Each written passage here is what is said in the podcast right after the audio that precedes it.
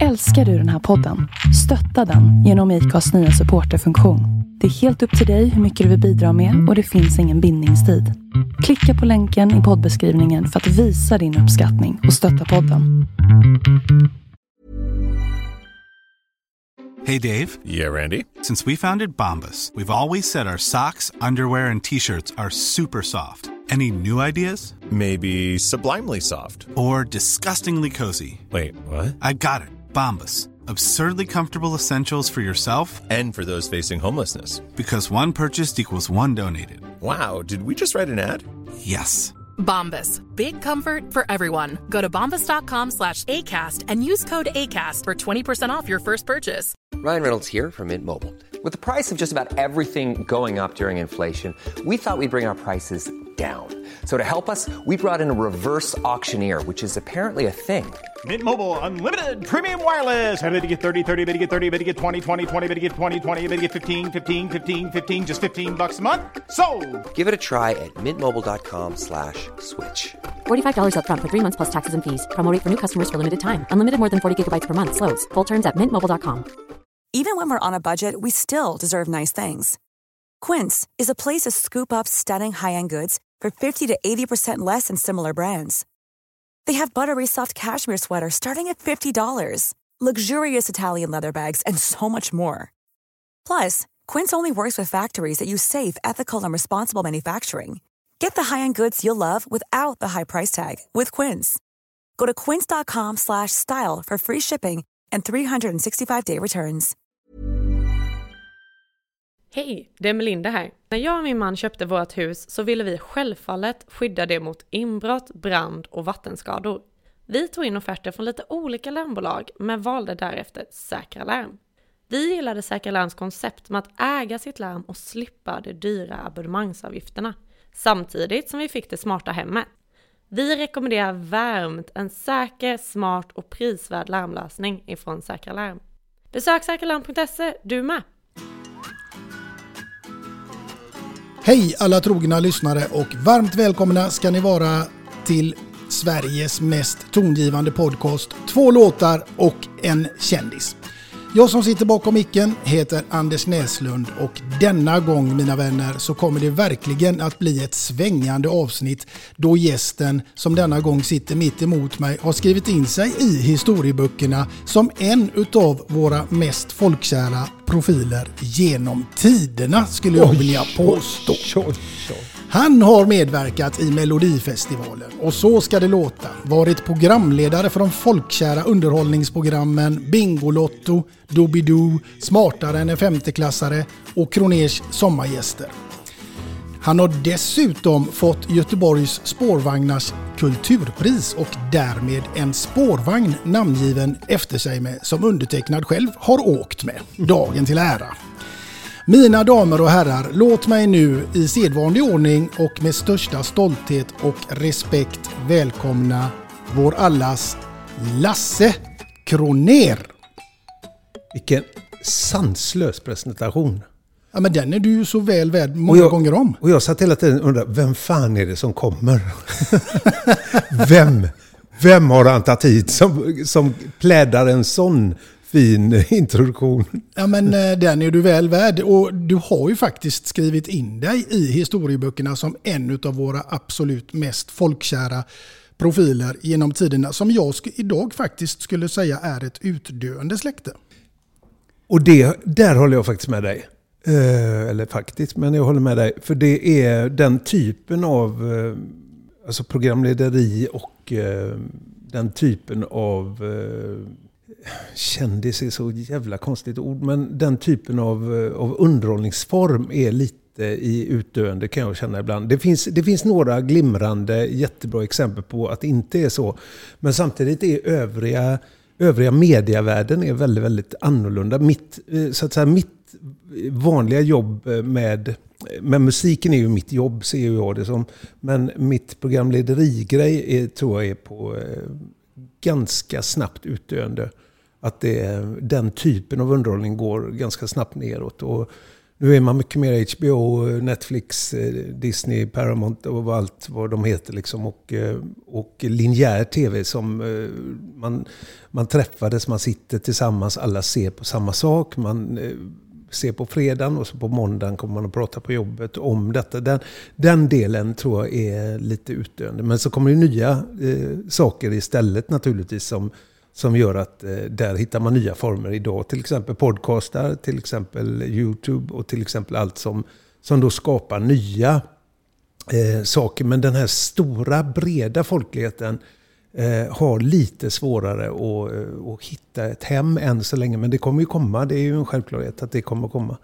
Men så jag är, jag är väldigt glad och tacksam att att man har fått vara del av, eh, av, av, den, att vara en del av det som upplevdes på det sättet. Liksom, och, och gå när tv-program eh, gick i två kanaler, och, eh, eller en till och med, men två i mitt fall. Och, och ha tittarsiffror på 5-6 miljoner och liksom eh, där allting var så stort på den tiden. Det tycker jag är rätt fräckt att ha fått vara med och uppleva det. Liksom.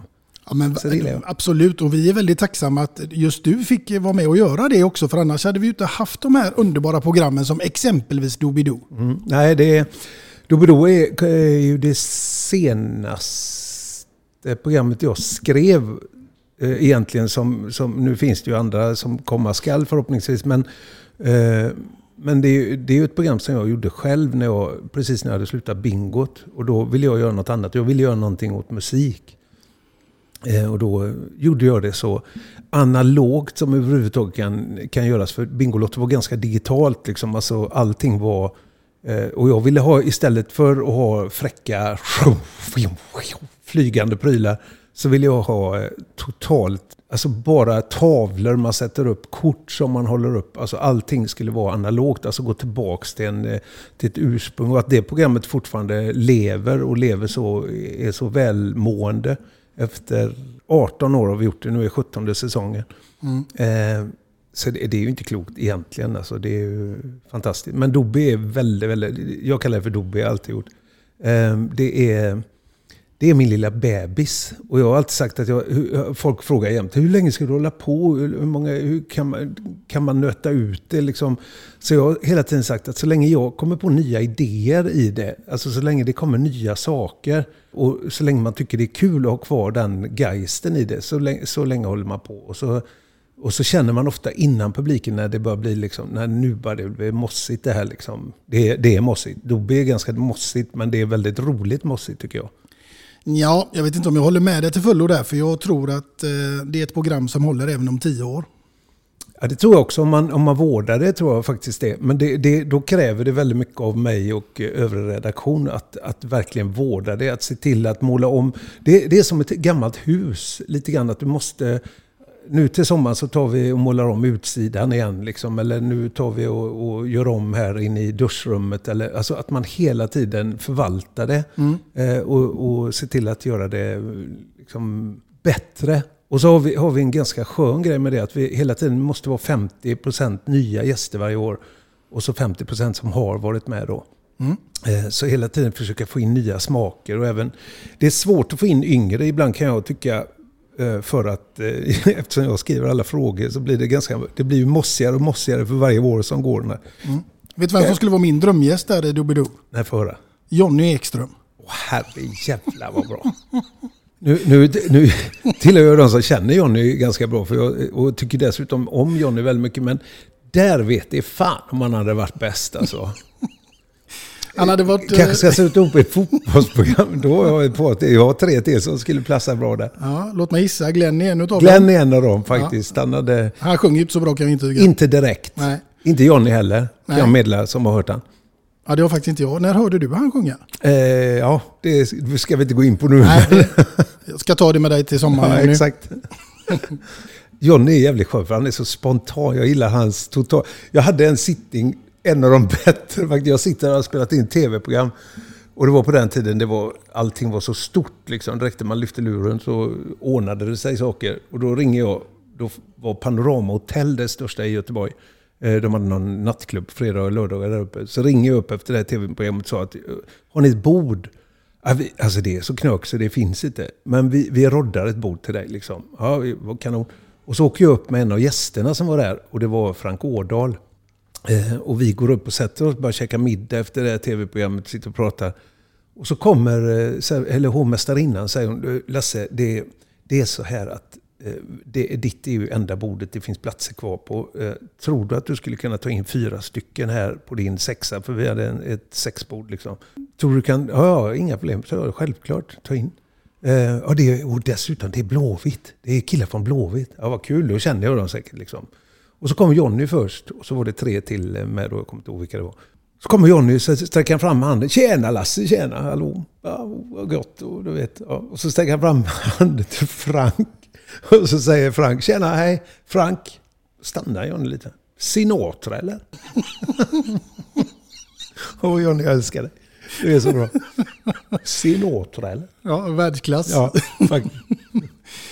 Du eh, Lasse, vi har gått massa händelser här i förväg, men jag ja, måste ju naturligtvis ställa frågan till dig. Hur står det till med Lasse Kroner idag, en dag som denna? Idag, en dag som denna, står det till ganska bra. Har, eh, har Dobby framför mig och vi ska banda om en, tre veckor.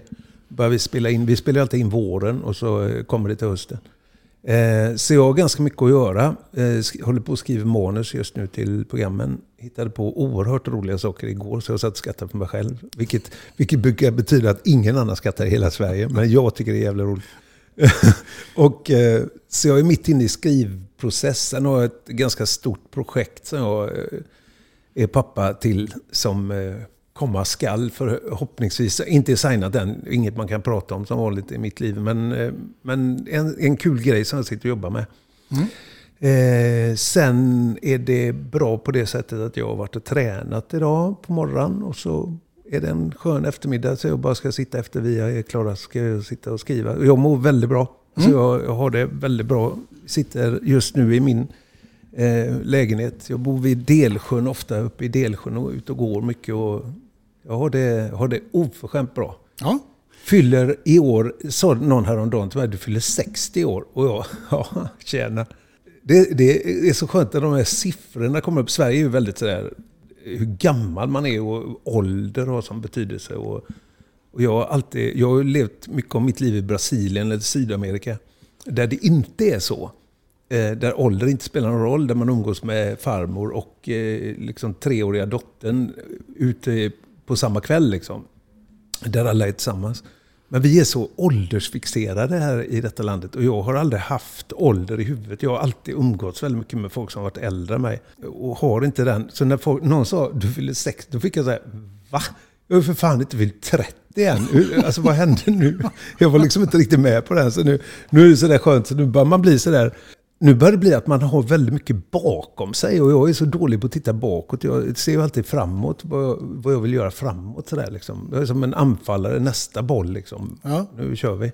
Det är gött. Ja, det är, det är skönt att vara sån. Ja, faktiskt. verkligen. Jag är lite sån själv faktiskt, måste ja. jag säga. Men kommer du ihåg den här tiden på 80-talet, tror jag det var. Jag vet inte hur det är idag, för jag har också passerat den här rollen och man inte behöver tänka på det längre. Men då var det ju på vissa ställen när man skulle gå in, han 23, hon eh, ja, just det. 21. De hade eller, olika eh, ålders...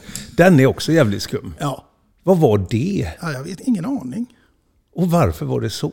Ja, det, det är ganska mycket grejer med killar och tjejer. Alltså maskulint och feminint i, i vår värld är ganska mycket som är skumt bara 10-15 år bak i tiden. Ja, e- eller hur? Alltså, och det är så oförståeligt. Alltså idag när man sitter och har lite mer facit som jag tycker man har idag faktiskt, så är, är våran kille-tjej-upplägg jävligt konstigt alltså. Fruktansvärt. Ja, det, och, och idag när det då äntligen börjar liksom komma in mer tjejer i, liksom, i, i politiken, i företagsledning i, och så vidare, och så vidare i, all, i alla sammanhang så är det liksom herre, varför, varför har man inte haft det så här förut? Det är även så med programlederi faktiskt. Och det tycker jag, nu, nu sker ju en våg, alltså det sker ju en revolution nu där där 59-åriga, måste jag då, 59-åriga tunnhåriga män, eh, överviktiga, eh, har, har haft en ganska stor roll i tv-mediet under allt för många år. Och det finns ingen tjej tidigare som har varit primetime-programledare, vilket är jävligt konstigt. Primetime är då 20.00 fredag eller lördag. Mm. Och det är ju osannolikt. Alltså, man har haft tv i, vad är det, 50-60 år är det väl snart. Och Och det har aldrig funnits kvinnor på, det, på den rollen eller i underhållningsprogram då. Och det är helt sjukt. För en, sitter där och tänker så det var Ja, knakigt Gry, Gry, Forssell är nog en av de första. Liksom, sån som Agneta Sjödin kan också vara en sån. Fyran var mycket bättre än SVT på detta i, i början. Mm. Men nu är det ju en helt, annan, eh, helt annat upplägg, tack och lov. Mm. Så det är konstigt. Nu kommer vi in på jätteviktiga saker och du säger bara 23 och 21 i dörren. Men, men det, det är faktiskt att samhället utvecklas, vilket är en positiv... Ja, verkligen. Du, vi ska backa tillbaka i tiden för du är ju född den 15 november 1962 i Göteborg och eh, den första tiden den var i Masthugget och sen så blev det en uppväxt i Högsbo kan man säga. Mm. Jag var fyra när vi flyttade från Masthugget. Men jag, jag brukar vilja, eftersom jag, eftersom jag är så mycket göteborgare, så brukar jag alltid vilja att det är Masthugget som gäller. Det är inte Högsbo, utan det är Masthugget. det är någon sån här konstig grej. Jag har en Masthugkyrkan i blodet på något sätt. Så uppväxten är Högsbo och eh, allt, allt vad man blir är egentligen Högsbo. Jag Högsbo tackar jag för ganska mycket faktiskt i, i, där, i det, så som min resa blev. Liksom. Eh, hela musiken kom därifrån, hela, eller från mina föräldrar naturligtvis, men också från den jag var i den gruppen och eh, allt sånt där. Det är, det är mycket, när man tittar bakåt, vilket jag är som sagt urusel på att göra, men när man gör det så, så blir alla stegen ganska tydliga varför man tog vissa steg och sånt här. Inför vi träffades idag så måste jag ju erkänna då att jag lyssnade på ditt sommarprat. Ja, just det. Fantastiskt bra. Ja, Alltså det, och vad roligt. Ja, jag bara När var det? Jag kommer inte ens ihåg när det var. Det var ju en massa år sedan va? Ja, det är en massa år sedan. Eh, Men det var, det var helt underbart och du berättade så levande om när du var liten och din pappa eh, ville, bli, ville att du skulle bli någon form av idrottsmänniska och du Ja. fick en massa olika julklappar till höger och vänster och det hela slutade med egentligen att du blev materialare i någon slags eh, hockeylag där eller? Ja, På gården. Jag hade, jag, hade, jag fick, alltså han var ju helt manisk med det här. Alltså han köpte ju nya utrustningar hela tiden och det visade sig alltid att jag var värdelös i allt som hade med boll, rörelse, eh, koordination, alltså allt. Åh jävlar, jag höll på att riva hela huset. Eh, allt, allt sånt var jag helt uppåt. Alltså det, var, det fanns ingenting i mig. Men pappa ville ju- alltså pappa som då hade varit så duktig, han var väldigt bra i handboll, väldigt bra i fotboll, väldigt bra i boxning, väldigt bra och så vidare och så vidare. Han ville ju sport liksom, tills jag fick den här gitarren. När allting bara, där, där, där hittar vi hem liksom. Men jag, han låg nog många tusen spänn på mig. Mm. Eh, som han inte fick. Fast han fick valuta för det sen, den gamle trötte Levinen jag fick som eh, fick kämpa många år. Ja. Du, den här podden den handlar ju faktiskt om just ämnet musik, även om den inte gör det enbart. För vi ska ju naturligtvis komma in på massvis av din karriär, men den, den består ju till stor del mycket av musik. Men jag tänker att musik också är ett ämne som berör alla människor på ett eller annat sätt. Nu är ju du musiker till ditt yrke, men jag skulle vilja fråga dig vad mu- musiken betyder för dig liksom rent allmänt. Alltså det där är... Om, om man har levt eh, ett liv med musik, vilket jag har gjort, och haft eh, gitarren som snuttefilt och som eh, eh, närmaste kompis, närmaste vän. Gitarren är liksom mitt... Så här står jag med min nya gitarr och min kärlekssång till dig om du skulle känna på mina fingrar så är de totalt stenhårda. Alltså jag spelar gitarr varje dag fortfarande. Jag är, eh, alltså det är, musik för mig är ofantligt viktigt, men idag helt oviktigt. Konstigt. Mm. Jag tror att min hårddisk har blivit full. Alltså jag tror, alltså så viktigt som musiken var förr och då var musiken på ett annat sätt tycker jag. Jag sprang ner och köpte den plattan som kom. Det fanns en berättelse i en skiva som då var en LP-skiva. Där, där du hade en berättelse på framsidan där varje låt hängde i varandra. Det fanns en, fanns en mening i hur man byggde upp en skiva. Eh, och hur man lyssnade på den, hur man läste, vilka som lirade, vilka som... eh, Alltså det fanns så mycket historia i detta som jag, som jag tyckte var extremt roligt. Jag kunde väldigt mycket av detta. Jag, jag la mitt liv i, i detta. Sen när nu då vi är i Spotify-tider och Apple Music-tider när man lyssnar på en låt och det är en låt man släpper och det, eh, musik har blivit på ett annat sätt en eh, konsumtionsvara på ett annat sätt. Där, alltså de som kan detta och skriva låtar och skriva material är få. Medan eh, DJs och allt sånt här är, ganska mycket där man tar fyra takter av en Stevie Wonder-låt och så gör man någon eh, fräck bit på det liksom. Eh, jag är inte riktigt kär i det. Eh, jag är väldigt mycket mer kär i det som var. Och då kan man tycka att man blir gammal, vilket man blir. Men jag hänger inte riktigt eh, med längre. Sen, sen hittar jag nya grejer. Jag har en Spotify-lista som heter Kom in i matchen pappa. eh, Som min dotter gör till mig. Eh, Där hon lägger in nya, så jag lyssnar på mycket ny musik. Och hon, hon har en jävligt bra musiksmak, så jag, jag får väldigt mycket nytt med mig också. Vad är den senaste låten du fick till dig från din dotter? Åh, vad hette den? Oh, vad hette den? Så jäkla bra. To being broken hearted. Wherever the way, unless you let me in, darling. Wherever the way from being back to the start. So don't love it, love me the way. Men du, då måste jag i alla fall se om du kommer ihåg det här. För nu tänker jag fråga dig, vilket är ditt eh, första, absolut första minne som du kan komma ihåg från det att du var riktigt, riktigt liten? Men eh, musikmässigt? Mm. Alltså, i mitt fall är det nog, där var Melodifestivalen väldigt viktig. Faktiskt. Eh, alltså sen har jag en massa minnen av pappa som alltid sjöng så att säga. Och alltid stod på scen. Eller med scen efter tre flaskor. Ja. Men alltså, jag, jag minns ju, den musiken minns jag väldigt väl. Men alltså mitt första minne är nog 60, oh, nu ska vi se, nu måste jag tänka 69, 68, kan det vara 67? 67 eller 68, då är jag ju fem. Ehm, då skulle Sune Mangs komma till eh, Axel Roslunds torg. Någonting att äta, någonting att dricka Någon till att älska och att hålla kär är allt jag begär uppträda. Sune Mangs, för alla er som är under 59, han var en eh, stor, kraftig, eller liten, han var väldigt liten, men stor. Eh, ser ut som Kalle Moraeus ungefär, eh, så att ni förstår. Eh, väldigt jovialisk och väldigt så, ja, lite Ja, han var uppträdare liksom. Han var eh, artist. Han skulle komma till Axel Rosses torg och uppträda och det står ju kanske 700 pers där på, på torget och väntar. Och då hade Melodifestivalen varit några dagar eller veckor tidigare och då var det en låt som hette Det börjar verka kärlek banne mig som jag hade lärt mig. Jag lärde mig alla Melodifestivallåtar, jag kunde dem utan till med text och allting. Och hade, hade alltid liten Melodifestival för mina kompisar vid gungorna. Då satt kompisarna på gungorna och så körde jag, då var jag programledare och så körde jag alla bidragen och så fick de rösta sen då. Jävligt dumt.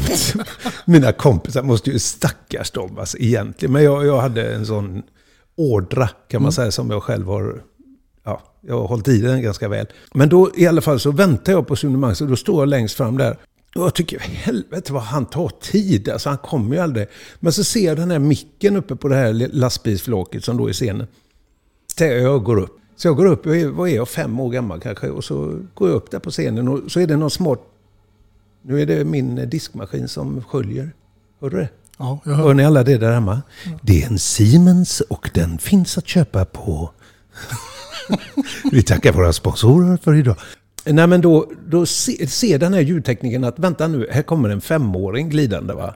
Det, det här kan bli bra. Ja. Så han drar ner mixstativet till min nivå då och så... Och då ställer jag mig där.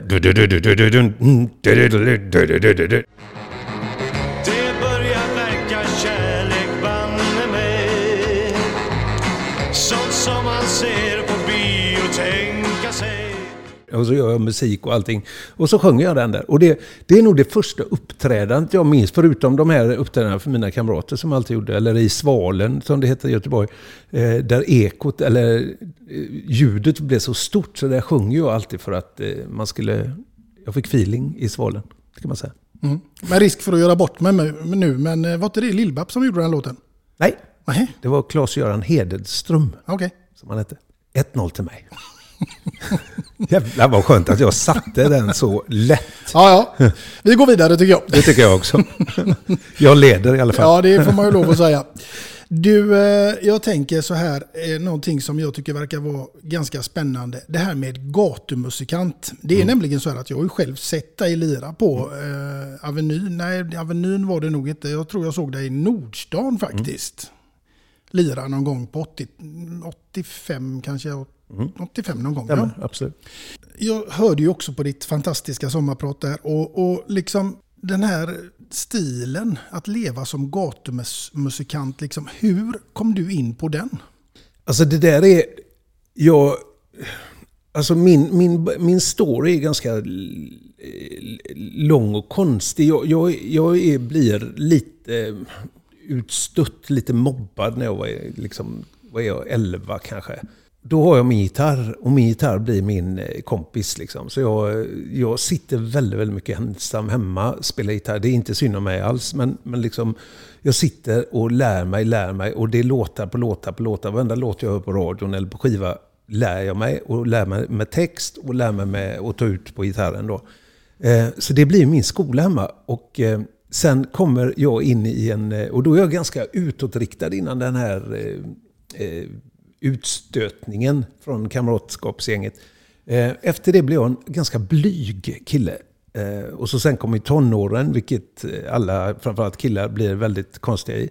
Och jag blev väldigt blyg och tillbakadragen och vågade ingenting. Och så på massa vägar så får jag lite muskler och börjar uppträda lite smått på vår fritidsgård hemma. För de lite äldre barnen. Och där, där börjar min så att säga, utåtriktade bana. Sen, kommer jag, sen blir jag ännu blygare och då är jag 17, nästan 18. Eh, och sitter varje dag efter jag, då jobbar jag på posten som brevbärare. Och då är jag klar vid 10-11 på, på förmiddagarna. Och så åker jag ner till stan, sitter och tittar på två gatumusikanter som heter Sören och Mick som var, som var sådana S. Liksom. Det var, de var så fruktansvärt bra tycker jag. Eh, och jag sitter alltid och tittar på dem. Så kommer en kille som heter Roger, som är kompis till mig på landet. Och säger, ska vi inte göra detta? Ska vi inte spela här på gatorna? Och jag hör mig själv säga ja, vilket är helt osannolikt. Alltså för jag, jag fattar inte än idag hur jag, hur jag kunde säga ja. För jag vill ju absolut inte stå på gatorna. Eller jag vågar ju inte. För att jag är för blyg. Men då eh, åkte vi hem till Huxbo, jag och Roger. Och så övade vi in tio låtar. Han sjöng alla tio. Och jag stod jämte och kompa och la en andra stämma på tionde låten. Vilket var då jazz. Och så ställde vi oss, jag vågade, han, när vi gick ner till stan så sa Roger, vi ställer oss vid kompassen, vilket var Fredsgatan, vilket var bästa stället i stan att stå. Men där stod Sören och Mick alltid, och där vågade inte jag, där ville inte jag stå för det var proffsställe tycker jag. Så vi ställde oss utanför NK, vilket ingen normal människa någonsin har ställt sig vid. Eh, där stod vi heldagar och spelade och jag fick ihop 30 spänn, alltså vi fick 60 spänn, 30 spänn var. Och jag, alltså jag var himla, jag fattade ingenting. Det här är ju, det här är ju inte klokt liksom. Och ingen stannade. mig. Jag fick aldrig crowd, eller vi fick aldrig liksom crowd som vi kallar det. Vad heter det? Ja, människor som stannar. Så det var ju, alltså det, det var så stort att få uppträda och få spela. Det var liksom verkligen, åh. Alltså jag hittade någonting där som, som blev lycka. Och inte bara för de 30 kronorna, utan, utan för allt liksom. Sen skulle Roger, och det visste jag om, för det hade han sagt tidigt, att en eller två veckor, två veckor tror jag det var, eh, efter detta skulle han till USA och utbilda sig till pilot, vilket han också gjorde och vilket han gör fortfarande jobbar med. Så han skulle dra och, eh, och detta är en fredag vi gör sista gigget. Och på lördagen när jag vaknade, då var lördagen bästa dagen. Det, det, för då, på den tiden åkte ju folk in till stan, det fanns ju inga sådana IKEA-komplex överallt.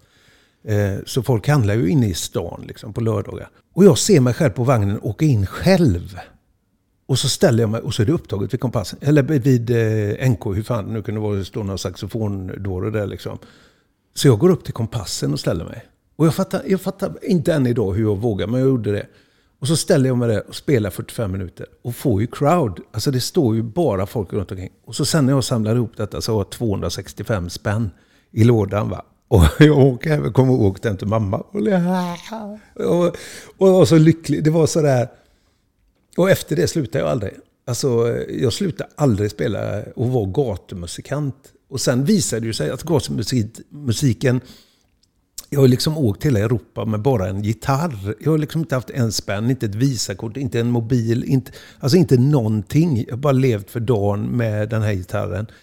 Och ska jag ha mat ikväll, eh, eller ett glas vin, eller vad, vad jag nu vill ha, så måste jag vara bra. Liksom. Alltså jag måste uppträda på ett sätt som gör att jag får, får, får dem. Att jag får dem att stanna. Inte bara att jag kan sjunga eller spela utan att jag måste göra något mer.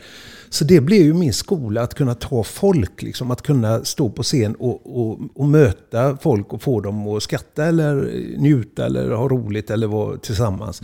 Och där, där är nog mycket av min eh, snabbhet i käften liksom, kommer nog därifrån att att det är det som eh, min barn... Alltså jag är väldigt improvisativ. Jag, jag, tycker, när jag säger att jag skriver manus till Doobidoo så skriver jag manus bara för att eh, jag ska ha något ifall det går åt helskotta. Liksom. Men oftast så kör jag. Alltså jag går in och så, så börjar jag och så vet inte jag var jag kommer hamna. Liksom. Och det är ju det som är, tror jag, är lilla hemligheten med programmet. Att det inte är så uppstyrt. Liksom. Det är inte så... Eh, ramarna är rörliga liksom. Mm. Och, så jag har gått till musiken och tackar för väldigt, väldigt mycket. Jag har fått uppleva de mest fantastiska och de mest värdelösa kvällar på, alltså när man står och inte har käkat i Zürich eller i Milano eller vad man nu är. Och det börjar ösregna va? och du har inte 3,50 va? och du bara, åh, nu är det jobbigt. Och framförallt när det kommer fram en eh, polisbuss och slänger in dig och klipper Oh. strängarna och slår hål på gitarren. Ja du, det var Paris. Eh, och Paris var mitt mål. Först, min första resa i Europa var, då var, då var Paris Mecka. Det var liksom alla, skulle, alla gatumusikanter av eh, rang, ska jag inte säga, men av, som, som drömde om detta liksom, ville till Paris. För där fanns eh, bland annat en kille som heter Don Partridge. Som eh, är nog en av få gatumusikanter, om man inte tar Ed Sheeran då, som, som blev känd och hade en låt, en hit som hette eh, Rosie. Heter den. Eh, hade vi varit fina nu hade du lagt in den lite snyggt här. Kommer jag göra sen Du, också. du är så? Ja, ja. Är du så jävla bra alltså? Ja, ja. Åh jävlar. Rosie, oh Rosie, it's raining when you look the other way.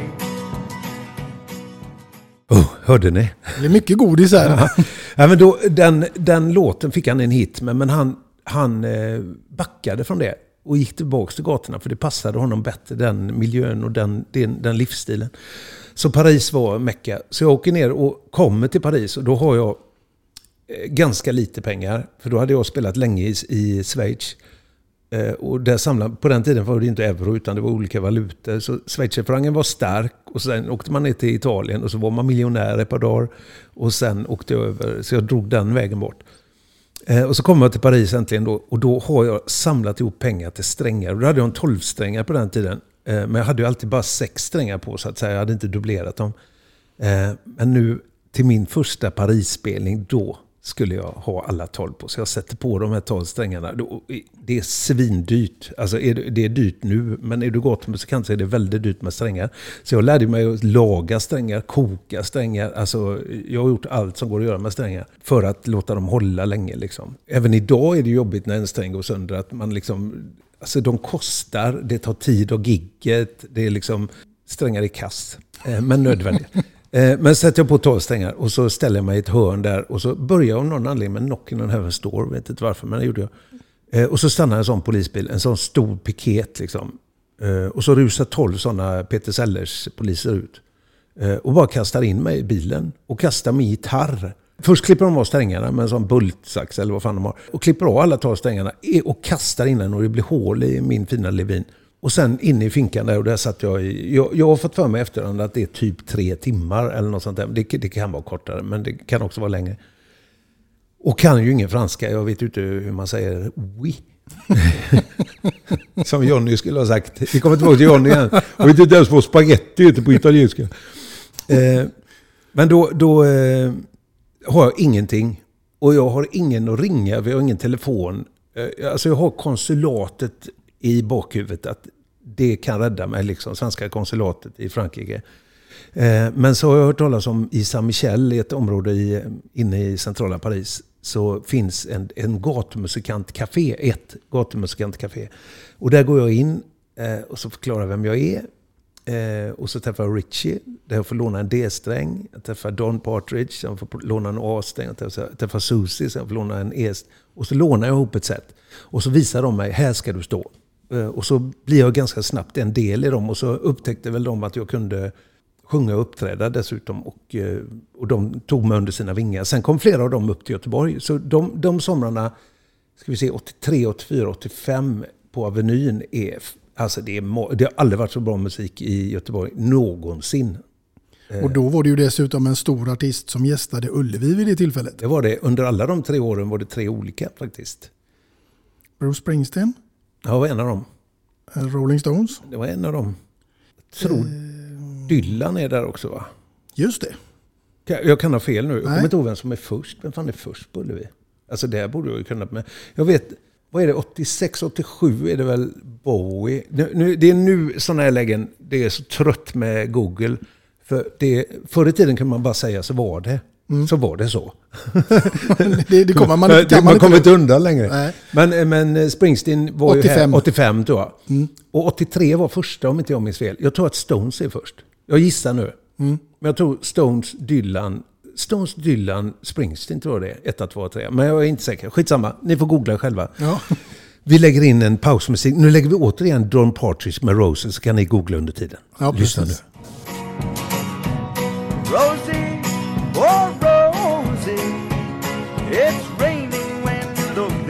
Other way. Du, vi går vidare istället och så Japp. tänker jag så här att eh, nu ska vi faktiskt komma in lite grann på ämnet fantasi. För nu är det så här att Lasse Kroner ska åka till en öde och befinna sig där i ett helt år. Och han får bara ta med sig en enda platta dit. Uff. Vilken blir detta?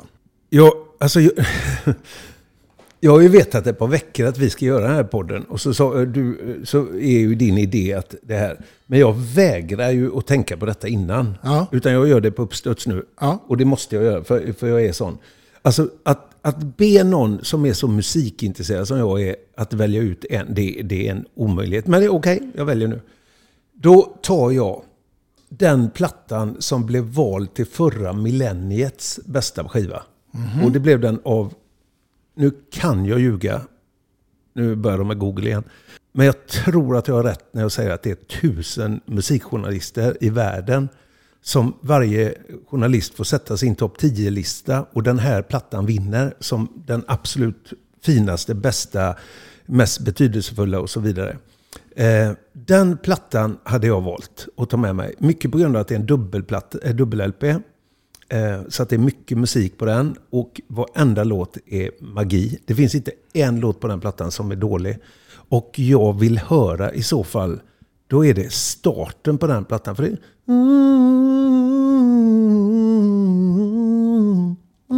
Ja, det är så bra. Good morning, evening, friend. Det är för tidigt att sjunga. Vilken jävla konstig tonart det var. Eh, det är eh, Love... Vad fan heter första låten? Eh, love and need, and need Today tror jag den heter. Love and Need Today.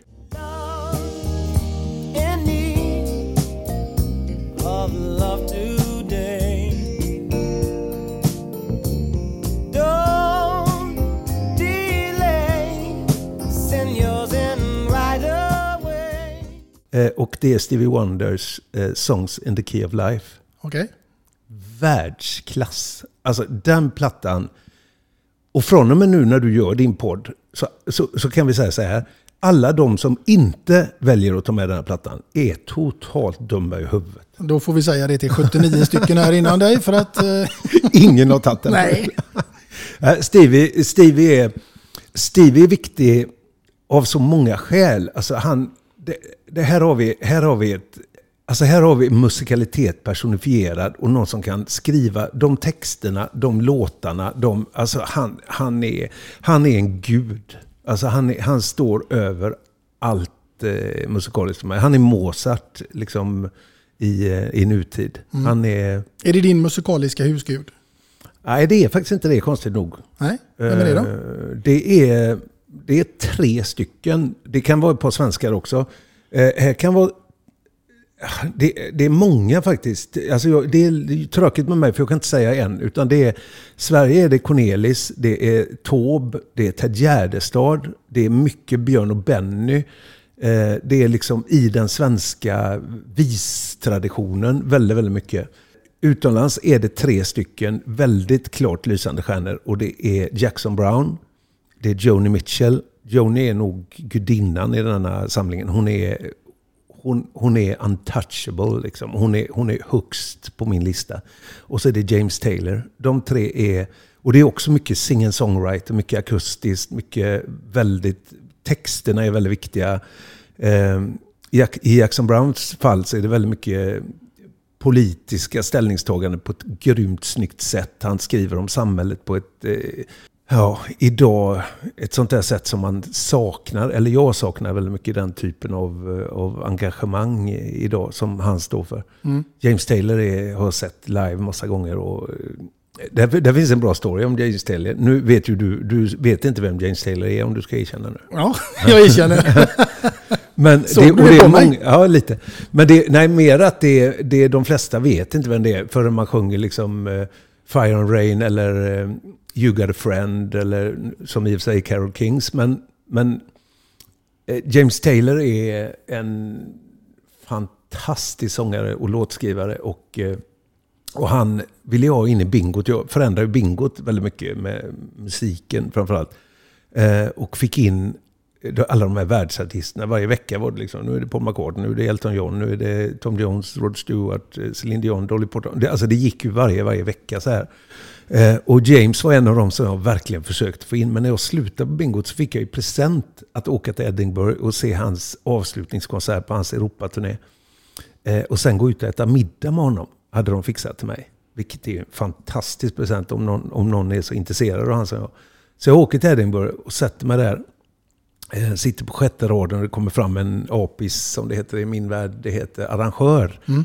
Eh, och arrangören kommer fram och säger att eh, så här är det, Mr Taylor vill då träffa dig efteråt och han har gjort platsen för det här. Och ni ska gå på en restaurang som heter Tjoho Tjoho och ni ska liksom träffas. Så efter gigget kommer du fram och ställer dig här vid hörnet så kommer jag hämta dig. Så åker ni eh, i Mr Taylors limousin och så bla bla bla.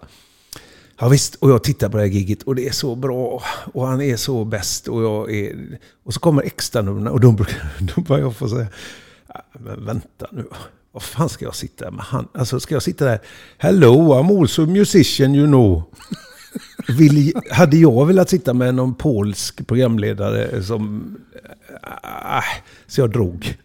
Jag stack. Du gjorde det? Ja, ja.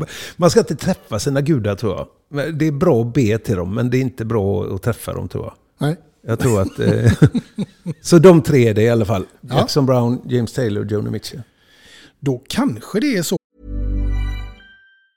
Mom deserves the best, and there's no better place to shop for Mother's Day than Whole Foods Market. They're your destination for unbeatable savings, from premium gifts to show-stopping flowers and irresistible desserts. Start by saving 33% with Prime on all body care and candles. Then get a 15-stem bunch of tulips for just $9.99 each with Prime. Round out Mom's menu with festive rosé, irresistible berry chantilly cake, and more special treats. Come celebrate Mother's Day at Whole Foods Market. Ryan Reynolds here from Mint Mobile. With the price of just about everything going up during inflation, we thought we'd bring our prices down. So to help us, we brought in a reverse auctioneer, which is apparently a thing. Mint Mobile unlimited premium wireless. Have to get 30, 30, bit to get 30, bit to get 20, 20, 20, bit to get 20, 20, bit to get 15, 15, 15, 15 just 15 bucks a month. So, Give it a try at mintmobile.com slash switch. $45 upfront for three months plus taxes and fees. Promo rate for new customers for limited time. Unlimited more than 40 gigabytes per month. Slows. Full terms at mintmobile.com. Hey there, it's Michelle Norris. I'm host of a podcast called Your Mama's Kitchen. When I travel, I'm usually looking for a way to find a taste of home when I'm not at home. And one of the things I love to do when I am at home is entertain. And Airbnb allows me to do that. When I was in California recently, I rented a house that had a great kitchen. And when we were sitting around the table, we're all thinking, we're in someone else's house. Someone could be in all of our homes as well. If you have a home, but you're not always at home, you have an Airbnb. Your home might be worth more than you think. Find out how much at airbnb.com/slash host. There's never been a faster or easier way to start your weight loss journey than with PlushCare. PlushCare accepts most insurance plans and gives you online access to board-certified physicians who can prescribe FDA-approved weight loss medications like Wigovi and Zepbound for those who qualify. Take charge of your health and speak with a board-certified physician about a weight loss plan that's right for you. Get started today at plushcare.com slash weight loss. That's plushcare.com slash weight loss. plushcare.com slash weight loss. Since 2013, Bombas has donated over 100 million socks, underwear, and t shirts to those facing homelessness. If we counted those on air, this ad would last over 1,157 days. But if we counted the time it takes to make a donation possible, it would take just a few clicks. Because every time you make a purchase, Bombas donates an item to someone who needs it. Go to bombas.com slash ACAST and use code ACAST for 20% off your first purchase. That's bombas.com slash ACAST, code ACAST. Och att det är någon av dem som vi kommer att få höra härnäst. För nu tänker jag att nu är det dags för Lasse Kroner att presentera sitt absolut första låtval. Ja, då är det Love, the, det är den. Första låten på plattan som heter Love... Ja, men vad heter den? Love and Need Today. Ne, need Today tror jag den heter. Mm. Första låten på Songs in the Key of Life med Steve Wonder. Då tycker jag vi tar och kör den här och nu. Hörde du inte att jag avslutade det så att det var nu lägger du på den? Jaha, nej det Så- hörde jag inte. ja. Då tar vi det en gång till. in the of Life kommer och så det är Steve Wonder.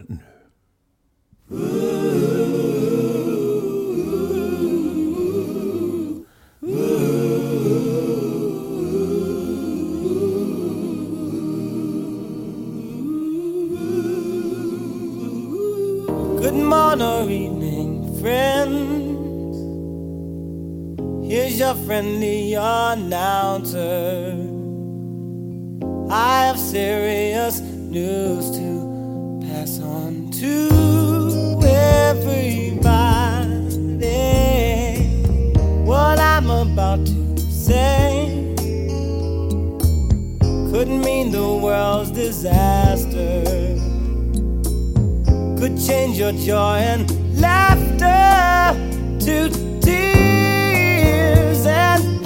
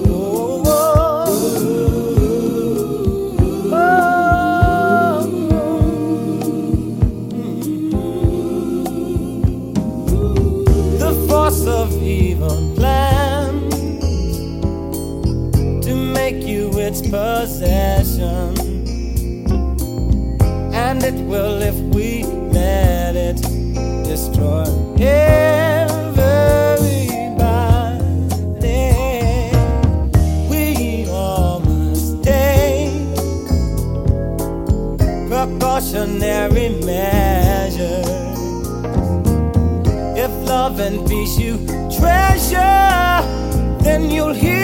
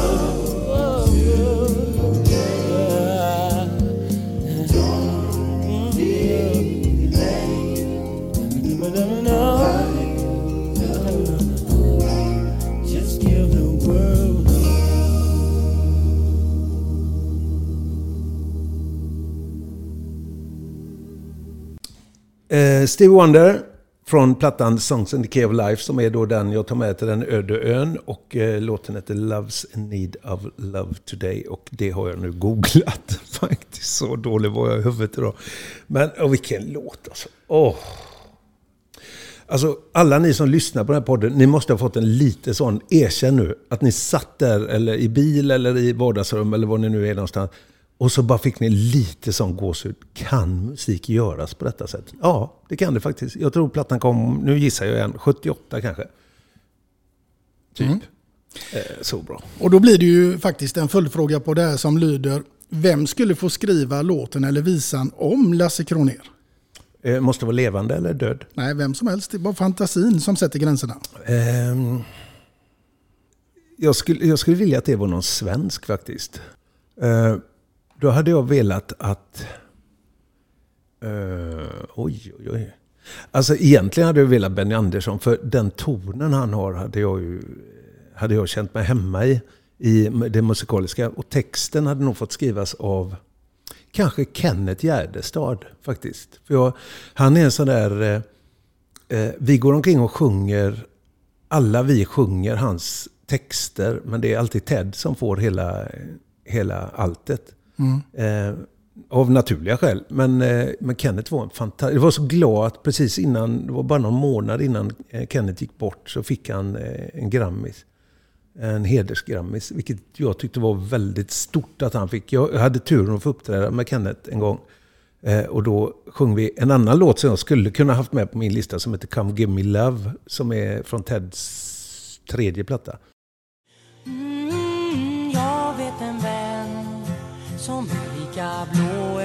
jag.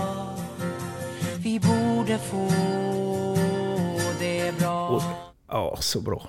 Han, kanske, lite oväntat att Kenneth skulle skriva den faktiskt. Hade kunnat vara Cornelis också. Det är många som är bra. Vi har många, nu Men du får jag bara välja en. Ja, det är ju det som... Du är så tråkig med det, att man bara får välja en hela tiden. Ja. Jag måste ju välja alla. Nej, men då väljer jag det. Jag väljer eh, Kenneth, skriver text och eh, Björn, eller Benny skriver musiken. Mm. Det tror jag hade blivit en riktigt bra låt faktiskt. Det tror jag också. Vad hade den hetat tror vi? Lasse Kronér i mina kvarter. Det finns en låt som heter Lasse Kronér, kommer på nu. Jaha. Som är någon... Eh, vad var det? Det var ett tv-program som hette På rymmen som gick på TV4. Och då jagade kända människor okända människor. Låter ju jävligt konstigt, men... Eh, men det gjorde man i alla fall. Och då var jag i Dalarna och jagade några som hette Jalle och Heavy. Ja. Och de här Jalle och Heavy gjorde låtar om alla som jagade dem. Och så, finns det, så gjorde de en låt som heter Mitt namn. Jävla konstig låt. Den kan du glida in lite snyggt här nu, tycker jag. Ja, jag ska försöka Märker du att den. jag producerar dig Ja, det är ganska mycket under tiden? Vi tittar upp, tittar ner, var är Lasse Kronér? Lasse går utan hår, han har inte ett spår. Han jagar på sitt eget manér. Lasse Kronér!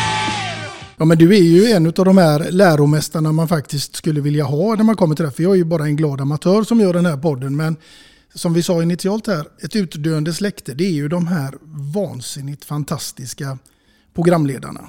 Eh, Ingvar Oldsberg, Lennart Hyland, Mm. Lars-Gunnar Björklund, Jag skrev... Lasse Kronér. Ja, men vi har många liksom. Och, och jag skulle väl kanske i dagens moderna tid också säga till viss del kanske David Helenius. Mm, absolut. Eh, alltså jag, jag skrev en krönika när Ingvar gick bort för, för någon vecka sedan nu bara. Eh, Ingvar var ju väldigt, väldigt nära mig. Vi, eh, vi pratades minst en gång i veckan, oftast mer. Eh, träffades jättemycket. Vi har jobbat ihop i, i stort sett i varenda världsdel faktiskt. Vi har varit på väldigt många resor ihop. Vi har gjort mycket ihop han och jag. Eh, skrev jag en liten krönika bara om Ingvar. Och då skrev jag just om det att eh, Lennart och Lars-Gunnar var hans, eh, Lennart Hyland och Lars-Gunnar Björklund var eh, Ingvars mentorer. Liksom där han fick lära sig jobbet av två som verkligen kunde jobbet. Liksom.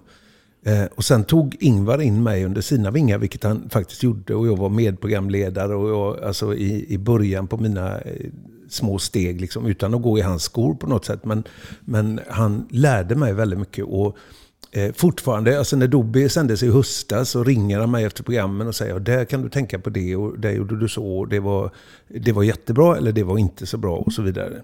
Eh, vilket var liksom det här med mentorer, då skrev jag i den krönikan, vem ska jag ringa? Mm. Och det, det, så kändes det faktiskt lite. Det, det finns liksom, jag ser ingen direkt, i, inte i programlederiet i alla fall. På scen ser jag eh, ganska tydligt, till exempel Per Andersson tycker jag är en lysande exempel på bred folklighet och eh, kunna utforma det på scen. Men Per är ju inte programledare på det sättet. Liksom. Ehm, så det, jag, ser inte, jag ser att vi är, lite, vi är lite dinosaurier som är på väg eh, bort. Kanske på gott och, eller på ont, det vet inte jag. Det får andra utvärdera. Men eh, Eh, så, så är det faktiskt.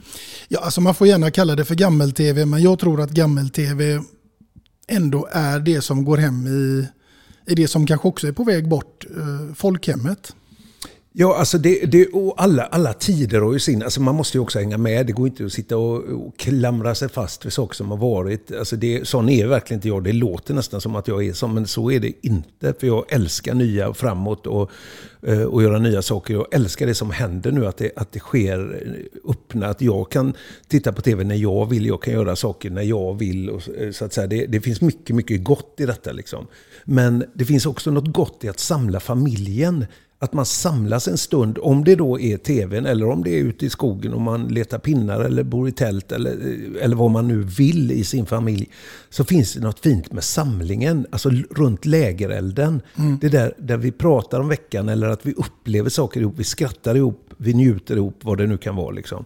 Eh, och lägerelds-tv tror jag behövs och det visar ju Eh, och nu slår jag mig inte för bröstet på något sätt, men det visar liksom siffror på program som Doobidoo På spåret. Eh, som ligger liksom 1, vi, har en, vi snittar 1,4, 1,5, 1,3 kanske ibland. Eh, och På spåret snittar 2,1 tror jag, eller 2. Eh, och det, det är ju siffror som idag inte existerar. Jag menar, eh, andra, andra program har inte i närheten av de siffrorna. Så det finns ju en, det finns ju en tydlig eh, grej från folket att de vill ha den typen av samröre och samhörighet. Och den tror jag är viktig. Men det är ju ett program som liksom hela familjen, Doobidoo exempelvis, det kan ju alla i familjen sitta och kolla på. Ja, lite. Och det var, det var väldigt bra med femteklassen tycker jag. När, när vi, jag körde det de fem, sex åren. Eh, så var det ett program som, ja, det är ett amerikanskt koncept egentligen, eh, som jag och vi gjorde om eh, Eh, och försvenskade. Och eh, det var ett sånt här program där du, där du som barn kan sitta med dina föräldrar och titta på tv och båda har utbyte av det. Och det, de programmen gillar jag väldigt mycket. Alltså jag, jag är ju i den... Eh, Eh, alltså jag är ju en sån människa. Jag tycker ju verkligen på riktigt om folklighet. Alltså jag tycker folklighet är det absolut finaste epitetet som finns. För att folklighet är så många. Mm. Jag vill inte vara fräck bort i hörnet och stå på en svartklubb och sjunga eh, missuppfattade dikter. Liksom. Och jag vill inte göra det och jag vill inte göra det. Jag vill göra bred underhållning och alltid gillat bred underhållning. Liksom, Mm. själv. Vi ska få ta del av ännu mer bred eh, underhållning därför att nu kommer en signal som är så här.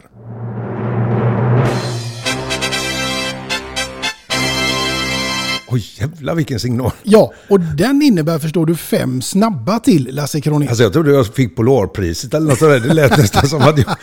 Ja, och vinnaren i... eh, Ja, vi ska se. Är du redo för fem snabba? Absolut. Då kommer den första här. Vara bäst bland de sämsta eller sämst bland de bästa? Oj, snabba. Eh, vara sämst bland de bästa är nog jag. Ja. Ja, faktiskt. Fulöl och fuldans eller skumpa och rumba? Absolut skumpa och rumba. Ja. En ridtur med Glenn Hussein eller ett fallskärmshopp med Claes Malmberg? Och fy fan. det var verkligen bäst och coolare. Eh, alltså fallskärm är ju, alltså det, jag vet att det är snabba. Jag vet, du tittar på mig lite så här, kan du sluta ut, breda ut dig i min podd? Men fallskärm, alltså det kommer aldrig hända. Nej. Claes Malmberg, jag menar det är ju en av mina bästa bästa liksom. Eh, eh, jag kan inte välja, jag kan inte välja fallskärmen. Det går inte för att jag, jag skulle aldrig våga det. Nej. Men då kommer vi till nästa va. Få sitta på hästrygg med Glenn Hussein. Va?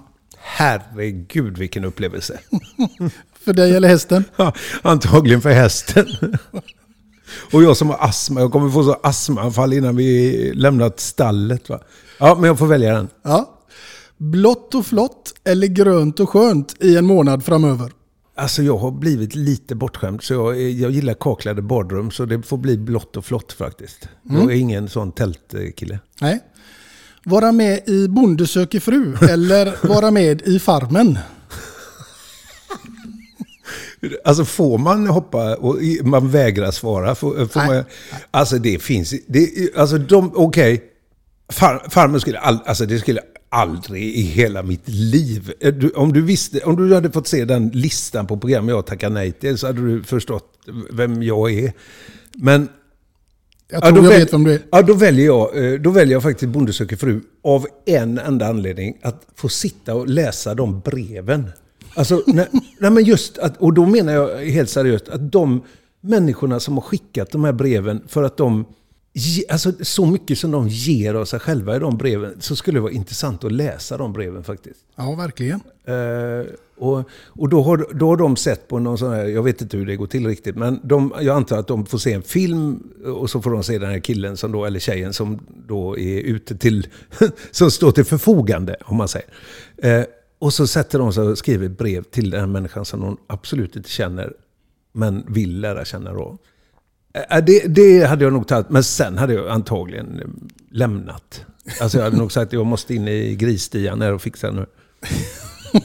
Vilka jobbiga, vilka jobbiga frågor du har. Ja, och vi ska ta oss från de här fem snabba som inte blev så snabba till något eh, annat eh, i nästan samma scenario. Jag antar att du har tackat nej där också. Men nu är det så här, bästa Lasse, att du är i final i Let's Dance.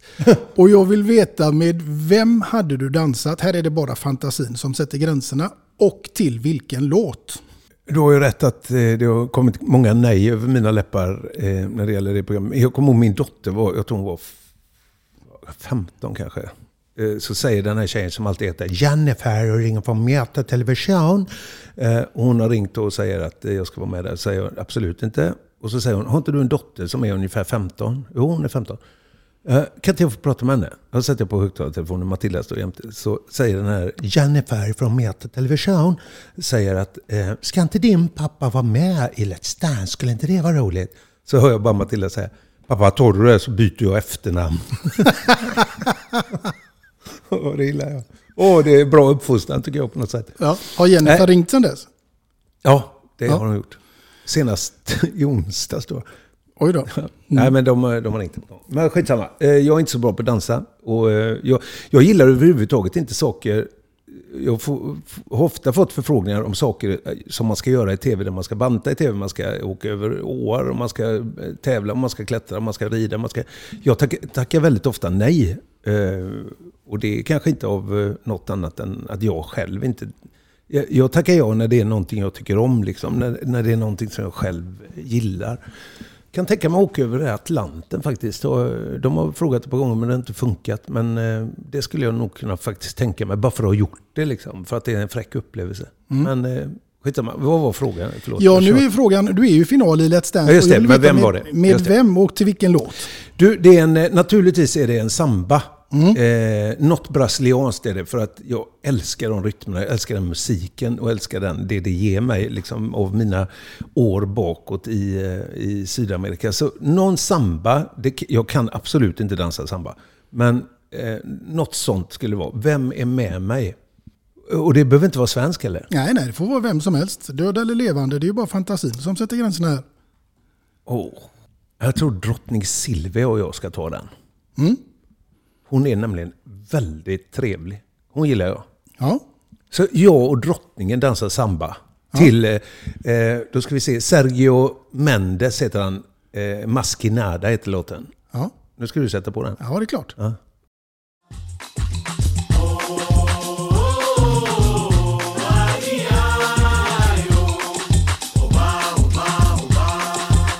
Mushkina.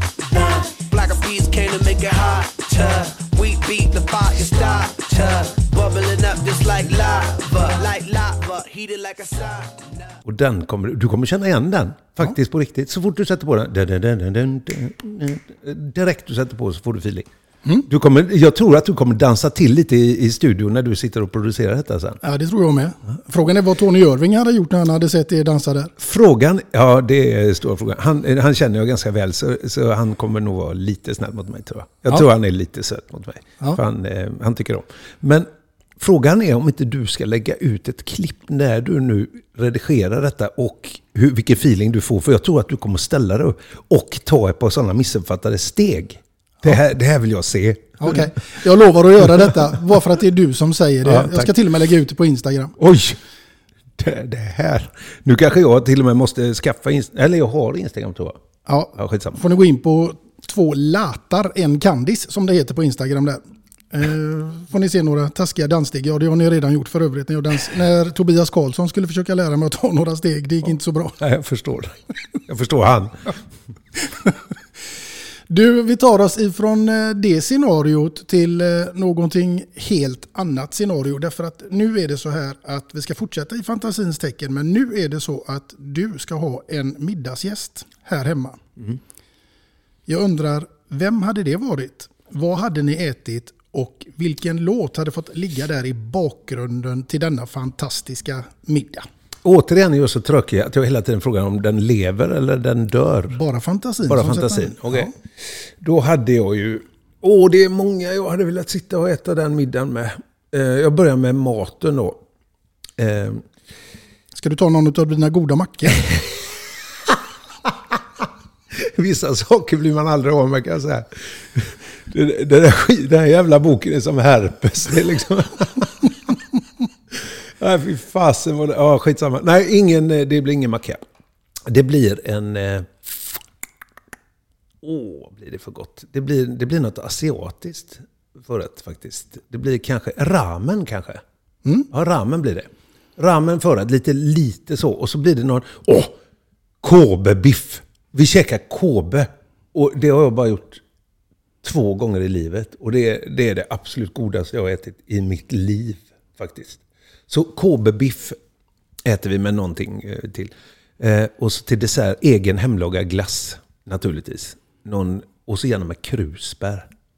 En krusbärssylt eh, eller någonting jag gör. Det, den här menyn låter helt koko, men skitsamma. Det, det är goda grejer. Eh, vem ska då få vara med mig? Jag, om du hade fattat hur det går i mitt huvud nu, hur, hur det snurrar. Alltså, för just nu är jag inne på Adolf Hitler och Steve Jobs. Det är de två som kommer upp. Och så är Joni Mitchell där och skvalpar. Eh, jag väljer Hitler. Du väljer Adolf Hitler. Jag är, alltså jag är så långt ifrån negativt som någon människa tror jag kan komma. Jag är, jag är positiv från jag vaknar till jag lägger mig. Och jag är det. Alltså jag trivs väldigt bra. Alltid gjort. Jag har alltid varit väldigt glad av mig. Mm. Jag hade velat uppleva det mötet och se vad fan som händer om man pratar med någon som, som är det, i mina ögon, det svartaste svarta liksom. Och så möter man någon, nu menar jag inte att jag är det vitaste vita, men någon som är vit liksom. Eh, jag hade velat tränga in lite i honom under den här middagen och bara se hur fan, hur, hur tänkte du här? Alltså hur, hur fick du ihop det här? Det, alltså det, det är en konstig middag, en jävla konstig middag faktiskt. Men, men jag hade tyckt den var intressant naturligtvis. Ja, men ska han få äta så god mat? Har du aldrig hört talas om sista måltiden? jag kan kasta ut den från balkongen sen efteråt. Liksom... Ja, men det, jo, han får äta så fin mat. Sen, eh, sen vet jag inte. Sen kan inte jag svara för följderna. Nej. Vill du veta vad vi dricker till? Ja. Det där är viktiga grejer. Ja. Vi dricker... eh, Som förrätt dricker vi... eh, Till förrätten dricker vi bara champagne. Ja. En riktigt bra champagne. Åh, så gott. Och så till varmrätten äter vi, dricker vi en eh, Chateau Moussard, ett libanesiskt vin från 82, väljer vi en flaska. Mm. Och till desserten tar vi en... Åh! En sautern. Oj, oj, oj! Hitler! Sicken middag! Kom! Ja, man, är det inte utan att man hade velat vara en liten fluga eh, på väggen och fått Vi- bevittna det här. Vilken jävla skum gäst jag valde. Ja, det får jag säga. Slår nog alla gäster hittills. Hur tänkte jag nu? ja. Jag hade så många att välja på och så tog jag han. ja. Ångrar du dig? Och så började jag tänka, nu, alltså, vilka, vilka människor jag kunde ha valt här. Och så Ja. väljer jag han. Ja. Ja, nej, jag kan inte ångra mig. Jag får, ta, jag får stå mitt kast nu. Ja, du står ditt kast. Mm. Du ska få fortsätta att stå ditt kast för att det här kommer att bli vansinnigt roligt är jag helt övertygad om med tanke på vilka människor du har stött på under livets gång. För din uppgift den blir här nu att placera ut kända kamrater som du just har mött under livets gång här och som passar in under respektive karaktär. Och då vad pratar jag om de sju dvärgarna. och den första för dig att plocka ut här. va? vilka, roliga, vilka roliga hang-ups du har på grejer. Det är ju jätteroligt. Ja, den första du ska plocka ut här nu det blir Kloker. Eh, då måste ju människan vara jätte, jättekänd va? Ja, ja. Nej, jag tar faktiskt, jag, här, tar, här tar jag en god kamrat som också är lite känd. Han är, han är eh, professor, han är eh, överläkare, han är allting. Han är dessutom musiker och jag har spelat med honom på gatorna en gång i tiden. Och han är en vän för livet. Och eh, Ralf Peker heter han. Som är, han är nog den klokaste människan jag känner. Eh, faktiskt. Så han blir klok för mig. Han blir Kloker. Mm. Då går vi från Kloker och till Toker. Det, det är ju egentligen hela min adressbok. Eh, jag tar Claes Malmberg där. För att vi har upplevt så mycket konstigt ihop. Och Trötter då? Får man välja sig själv där? Ja, får man. Ja, då tar jag mig. För jag, jag har nog jag har sovit lite för mycket i mitt liv. Jag är Mm. väldigt trött. Alltså jag är lat faktiskt. Butter då? Det finns ett par faktiskt. Det finns ett par sådana... Fan vad pinsamt egentligen. Men jag, jag säger... Jag säger Kristersson. Moderaternas eh, partiledare. Ja. Han tycker jag är... Lite butter. Ja, Ja. Faktiskt. Då går vi från Butter till motsatsen Glader. Åh, vilka fina... Eh, glader. Åh, det, det är också väldigt, väldigt många. Jag tar, eh, jag tar Per Andersson där faktiskt. För jag, jag gillar hans energi när vi träffas han och jag. Vi, eh, vi har väldigt skön energi ihop. Och jag blir alltid väldigt glad av honom och han blir nog väldigt glad av mig. Mm. Så Bra jag tar, val. Jag tar Per. Ja. Prosit då? Då tar jag Tommy Körberg. Det var precis vad Claes Malmberg också gjorde. Eh, Var det så? På Prosi? Sa han någonting om kokain då? Han sa att han hade haft så mycket i näsan. Ja, jag visste det. Jag visste. Jag kan han utan innan. Men faktum är att Tommy tar jag av en annan anledning. Jag tar att han under, när jag var så dålig i covid, vilket jag var ganska länge, och när, när Tommy var dålig så var vi väldigt mycket med varandra och hjälpte varandra i, i när vi var dåliga. Så vi hade, vi hade en stöttning av varandra på ett, på ett väldigt fint sätt. Så därför tar jag, ur sjukdom tar jag någon som stod nära. Så det är så jag tänker på Tommy liksom. Mm. Det var ju ändå ganska snabba val här tycker jag på de här karaktärerna. Mm. Det skötte du bra. Jag är mycket bättre på Snövit än på middagsbjudningar. Ja, det får jag hålla med om faktiskt. Men eh, ändå ett intressant gäst. Alltså det, jo men det är intressant. Alltså det, är- det är ju alltid intressant. Eller för, för det första tycker jag ju att... Eh, alltså må, många säger, eller många ser nog mig som i folklighetens namn är man, har man inga åsikter, man har inga tankar, man är bara en glad skit som liksom gör ha ha ha och så är det he he he. Eh, så är ju inte jag naturligtvis. Alltså jag har ju... Eh, alltså jag har extremt mycket åsikter, tankar och tykenhet och, och liksom saker jag tycker. Även om jag, jag är väldigt duktig idag och noggrann med att inte lägga ut saker. Att inte eh, gå ut med saker. Alltså jag, det är inte min uppgift. Jag känner inte att det är min uppgift. Men för den saken skulle jag inte opåläst. Så jag har eh, mycket tankar och därför blir ju alltid ett samtal blir mycket intressantare när man inte sitter med folk som har samma åsikter. Mm. Utan ett samtal blir ju intressant när jag lär mig någonting eller förstår någonting eller får utbyta eh, eh, saker från en annan sida. Och han, den sidan han står för är, är den som är längst från vad jag står för. Så då, då blir mötet intressant. Då. Verkligen. Du, någonting annat som också kommer att vara eh, väldigt intressant här nu. Det är nämligen... En ny jingel! Ja! En ny jingel. Ja, ska vi köra det? Ja, kör! Vi Gör, gör någon sån här fanfar igen tycker jag. För en det var fanfar- roligt. Ska vi köra en fanfar? Ja. Ja, ja Bra. kommer fanfar. Jävligt kort fanfar var det. Ja, vi kör den en gång till då. Ja. Då låter det så här. Allt mitt guld! Ja, precis. Var det där nu? Ja, det vet jag inte. Ja, det kändes nästan som det var Robin Hood-feeling på den. Eller Ivanhoe på nyårsdagen. Mm. Vi eh, tar oss ifrån det, nämligen till någonting som jag blir extremt nyfiken på nu. Och det är vad ditt andra låtval skulle Ah. kunna vara? Oj, nu ska jag göra uppstuds igen. Då blir det James Taylor. Det får faktiskt bli, för, för att utbilda eh, er som lyssnar och dig, eh, att, att förstå hur fant... Då måste jag nästan välja någon av de låtarna som jag är så trött på så jag nästan kräks. Alltså någon av hans stora låtar. Mm. Eh, detta är ju singer-songwriter.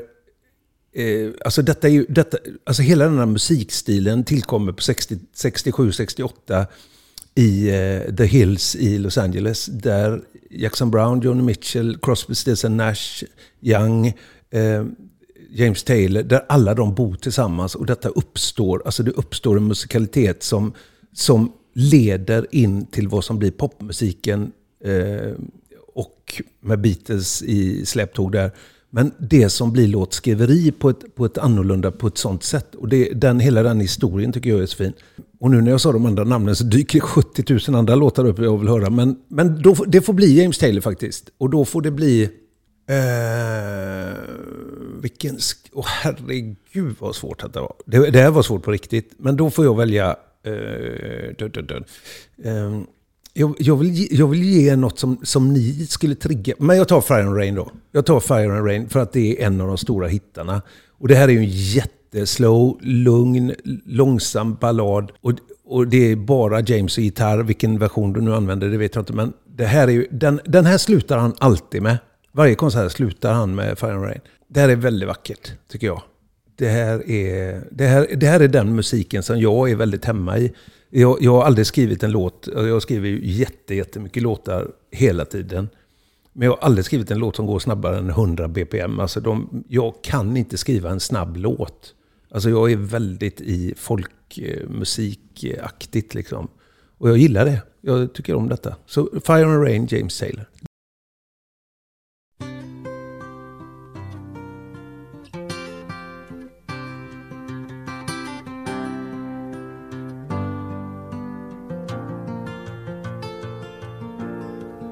Just yesterday morning, they let me know you were gone. Suzanne, the plans they made put an end to you. I walked out this morning and I wrote down this song. I just can't remember who to send it to. I've seen fire and I've seen rain. I've seen sunny days that I thought would never end. I've seen lonely times when I could not find a friend.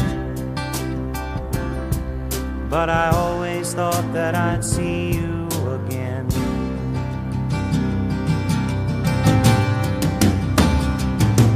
Won't you look down upon me, Jesus? You gotta help me make a stand. Just got to see me through another day.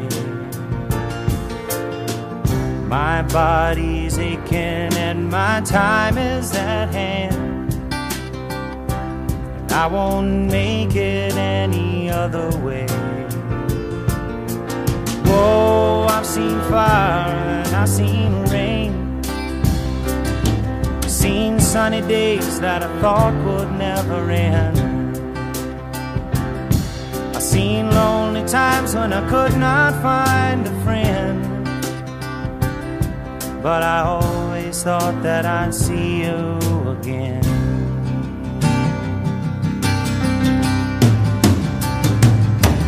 Been walking my mind to an easy time. My back turned towards the sun. Lord knows when the cold wind blows, it'll turn your head around. Well, there's hours of time on the telephone line to talk about things to come. Sweet dreams and flying machines in pieces on the ground. Whoa, I've seen fire and I've seen rain. I've seen sunny days that I thought would never end. I've seen lonely times when I could not find a friend. But I always thought that I'd see you, baby, one more time again. Thought I'd see you one more time again. There's just a few things coming my way this time around now. Thought I'd see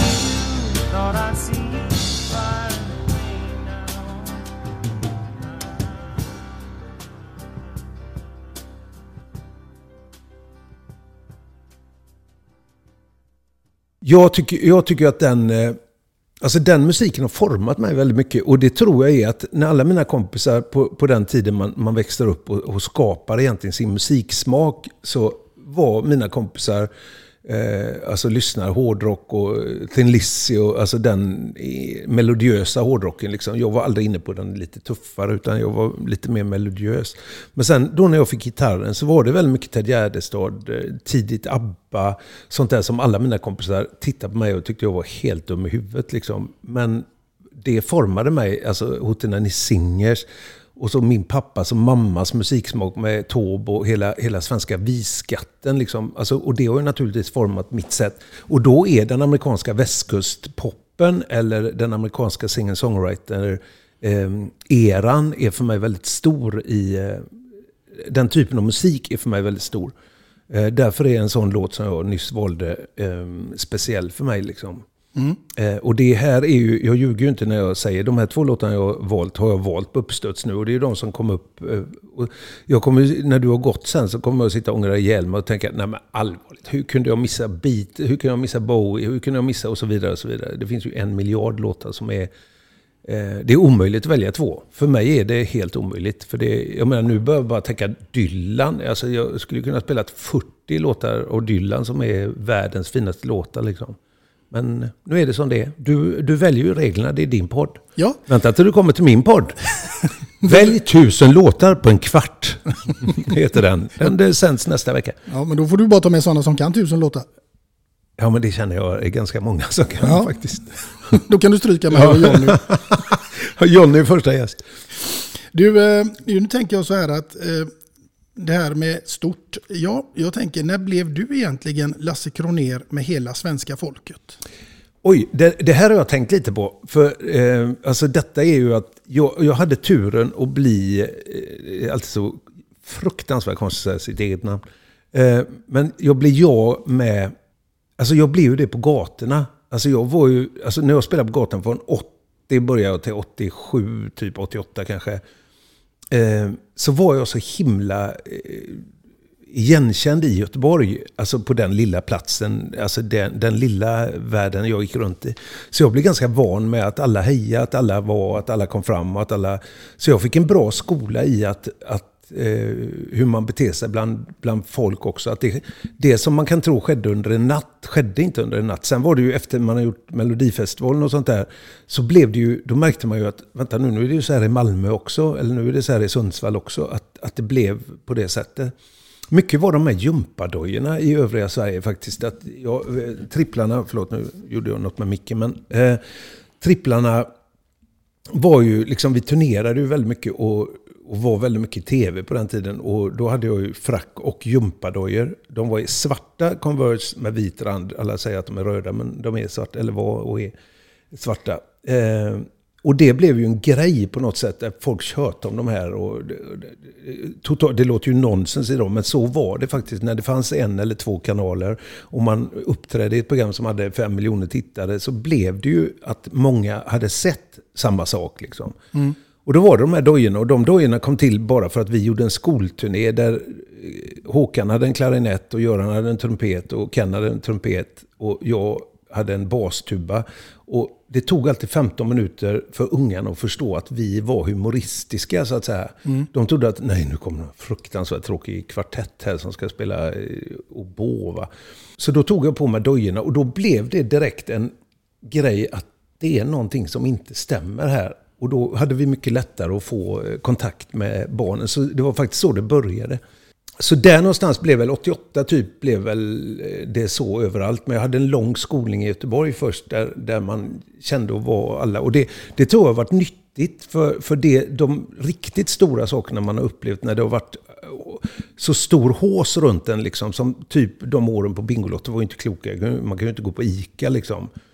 Eh, och då var det så himla mycket hela tiden. Och att då behålla fötterna på, på marken och att vara lite cementerad har jag nog gatutiden att tacka. Jag har aldrig känt att jag har eh, rusat iväg och liksom trott mig själv vara för mer. Eller, eh, och det, det är egentligen inte jag som säger detta, men jag säger det ändå. För jag, jag tror, alltså det har varit väldigt viktigt för mig att alltid de som har de som har klappat för att få dig upp till den eh, nivån, det låter ju så fel när man pratar om sånt här, men alltså de som har sett till att man får den uppskattningen, varför i hela friden ska jag titta ner på dem eller, bli, eller bete mig mot dem? Alltså jag har aldrig förstått sånt. Eh, så det, det har jag gått att tacka för också, tycker jag. Eller så känner jag väldigt tydligt. Men det är ju inte bara en fördel att vara en offentlig person alla gånger. Nej, absolut inte. Nej. För allt har ju inte varit en framgångssaga i, i din, även om du har en otroligt framgångsrik karriär så har det ju varit lite motvind också. Ja, och ganska nyttig motvind. Alltså för när den motvinden kom så var ju det egentligen första gången som jag fick uppleva motvind eh, på det sättet. Och den, det, det som hände där har jag lagt på nyttosidan. Alltså jag tycker verkligen att det har förändrat min tankebild och mitt sätt till det bättre. Så jag, jag ångrar inte den motvinden. Motvind kan faktiskt vara bra, inte när du står i den, för då är det jävligt jobbigt. Inte bara i frisyren, utan det är, alltså det är jobbigt liksom att, att ta allt som händer. Men när du har distans och när du har analyserat och gått vidare ur det så går du ofta, om, om, du, har, eh, om du har styrkan att klara det, så går du ofta eh, stärkt ur det. Och det, det har verkligen jag gjort. Alltså jag känner jag känner, och det är jävligt konstigt egentligen att jag känner så, men jag känner att jag hade inte velat vara utan den tiden. Alltså jag, den tiden är viktig i mitt liv också. För fram till dess var det ryggdunkningar i, liksom, i 30 år. Liksom, att, eh, att jag var bäst och jag var mitten och jag var centrum och ljuset var på mig. Och, eh, och det, det var bra att det inte var så ett tag. Mm. Jag vet inte om du minns det, men vi mötte varandra faktiskt under den eh, skittiden där med, med to, i Delsjön i spåret du och jag. Ja, okay. Så vi gick där och tjötade en stund och, Ja. och ehm, ja, då led ju alla helvetes kval med dig, det Mm. kan jag säga. Jag skulle inte vilja vara utsatt för det själv. Delsjön var min eh, lilla räddning där, för där var jag i stort sett varje dag. Delsjön, för er som lyssnar som är utanför kommungränsen, så är det ju en stor fantastisk, nu ska jag inte säga att den är fantastisk, för jag vill ha den för mig själv hela tiden. Men, men eh, alltså det, där uppe är magiskt att gå. Mm. Eh, och jag sätter på mig lurar och sätter på en talbok, vilket jag lyssnar på 99% av dygnets vakna timmar. Och jag så, trodde du skulle säga två låtar och en kändis. Just det. När jag, när jag är klar med alla de programmen, för du spelar in lite för få, kan jag Ja, tycka. ja. Så när jag är klar med dem så lyssnar jag då på talbok. Eh, och, eh, och så går jag där uppe. Så där, är min, eh, där var min plats. Där, eh, och där, den platsen gjorde också att jag började träna mer och, och tappa extremt. Jag gick upp, under, under motvindstiden så gick jag upp extremt mycket i vikt. Jag vägde 144 tror jag som mest. Jag var jättestor. 144? Ja, faktiskt. Det finns en skön, och den här har jag aldrig visat, men du ska få se den bara för att du, din reaktion är så rolig. Eh, så du ska få se bilden, så får du aldrig, du får aldrig visa den. Det är ju ingen av dina lyssnare som får se den tyvärr. Men den bilden är rolig för du kommer inte hitta mig tror jag. Oj, nu börjar min telefon spela. Det är ju Stevie! Hör du? Han var bra alltså. Det här är bra på riktigt. Åh, nu fick jag feeling. Nu får du nog sätta mig med gitarren sen när du har gått. Ska vi se om jag hittar den. Ja, det får jag ju lov att säga Lasse, att på den bilden, jag hade aldrig sagt att det var du ens en gång. Stefan Nej. Larsson känner jag ju igen naturligtvis, men Ja. eh, jag hade aldrig sagt att det där är Lasse Kronér. Nej, det, och det var ju... Alltså det var dagen innan jag började träna. Eh, och då hade, då hade den här motvinden gjort att eh, alltså det, var, det var mat och framförallt ostbågar blev någon form av tröst på något vänster. Eh, men sen, så nu när man ser med, med facit, när man sitter långt bakom det, har det väldigt långt bakom sig. Jag, jag tog bort det direkt. Alltså, många av de andra som var involverade i det här, de har stämt och stämt. Och eh, jag, jag bestämde mig direkt, jag ska överhuvudtaget inte röra vid detta efteråt. För att sen, sen blir det ju att i intervjuer och sånt där så har det ju alltid pratats om detta efteråt, vilket jag tycker är öken. Men jag förstår ju det. Ehm, men för mig är det, detta är så borta som det kan vara. Men det gav något nyttigt för mig. Alltså det gav en annan del av, av mitt liv som, eh, som jag kommer att nytta av på resten av resan. Resten av de här 147 åren jag har kvar.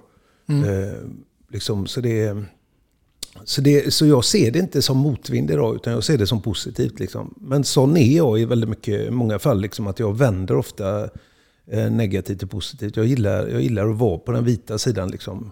Och det är det mötet med Hitler som då jag skulle omvända honom så hade världshistorien sett ut på ett annat sätt. Och vi hade inte kanske suttit och haft den typen av eh, problematik som vi har idag. Nej, Faktiskt. verkligen.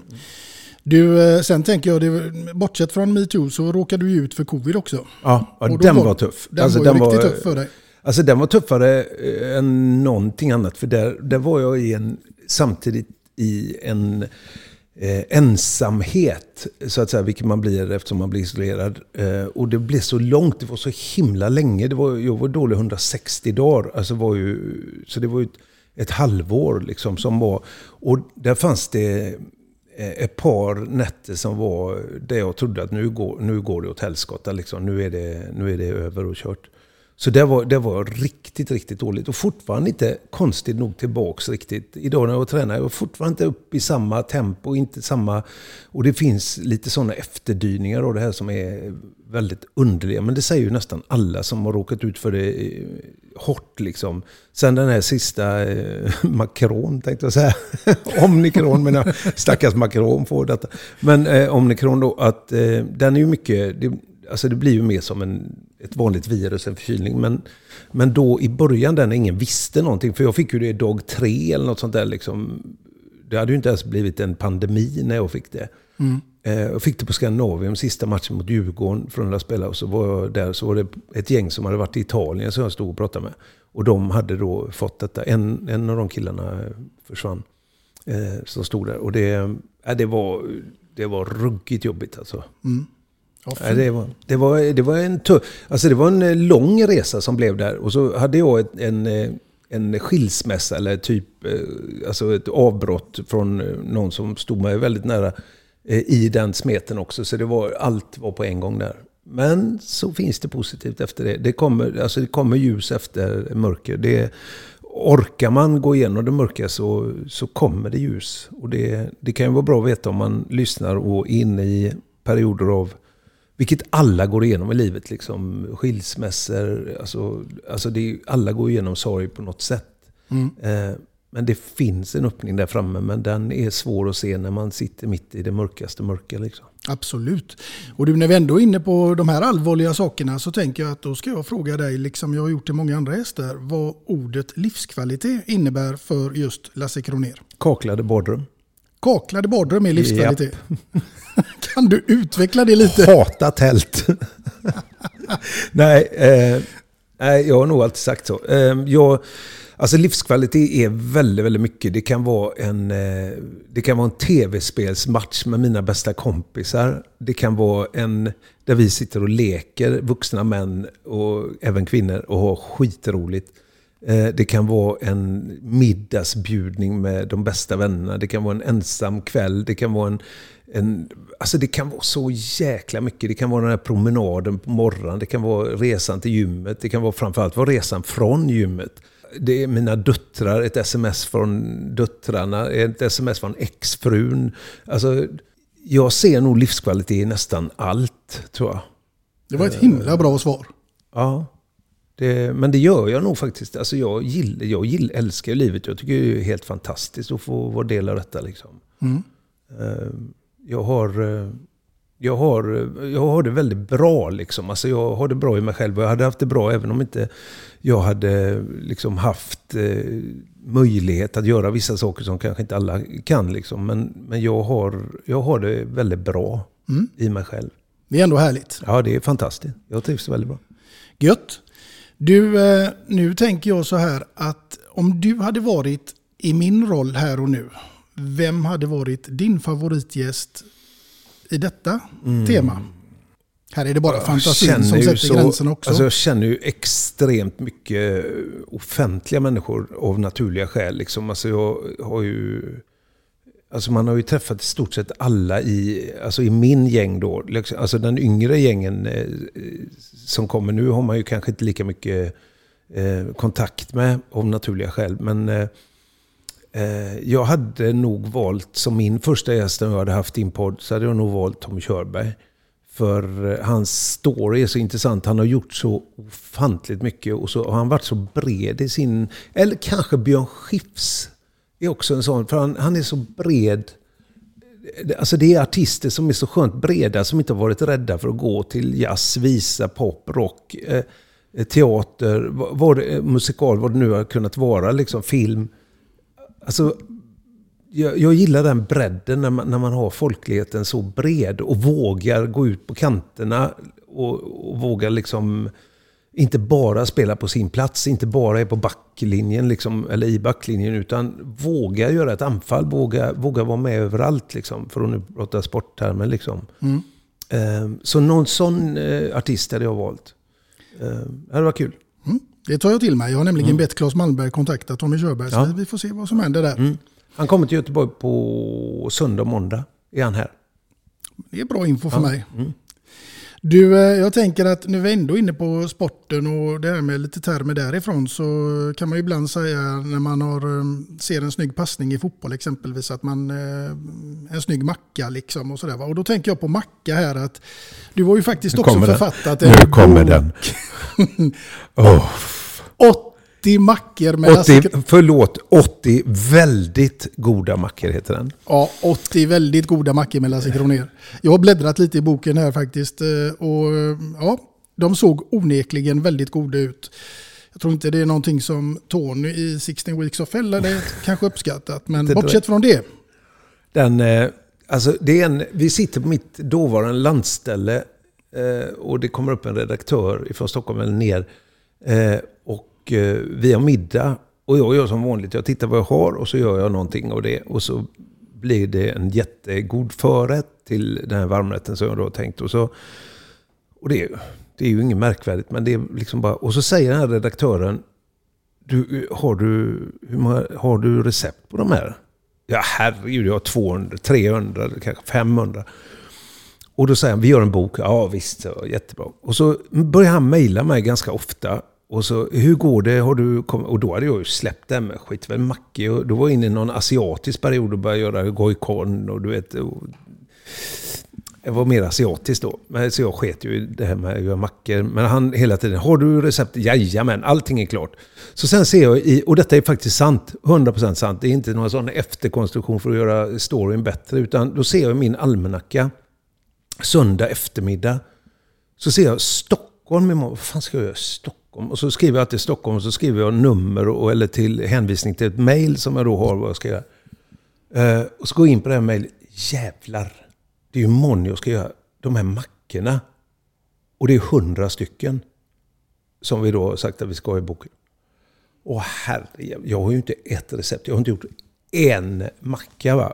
Så då sätter jag mig inne i det som då var mitt kontor på den tiden jag bodde i Onsala. Så sätter jag mig där. Och klockan fyra typ på morgonen så är jag färdig. Och då blir det 80 stycken. Eh, och sen or jag orkade jag kunde inte komma på mer. Och jag bara chansar. Okej, då ska vi se. Mangoglass med... Och det finns en sån. Jag lovar dig, det finns en macka med, jag tror prosciutto och, ma och mangoglass av någon jävla anledning. Helt skallskala. Men då, då åker jag upp till Stockholm eh, dagen, morgonen efter där och har sovit grymt lite. Åker iväg och handlar alla varorna för jag ska vara där klockan 12 eller 11 eller vad det var. I den här filmstudion där vi ska fota allting. Eh, och det är ett eh, sånt här restaurangkök där inne också. Och där, jag, handlar, jag tror jag hade 40 kassar med mig från Ica. Där, och tog taxi och så upp där. Finns även Konsum. Mm. Eh, och så upp där med de här kassarna. Och sen står jag och gör varje macka. Och så, så fort jag har gjort en macka och så går de iväg till han eh, eh, fotografen som då fotar dem. Han gör ju skitsnygga foton på detta. Liksom.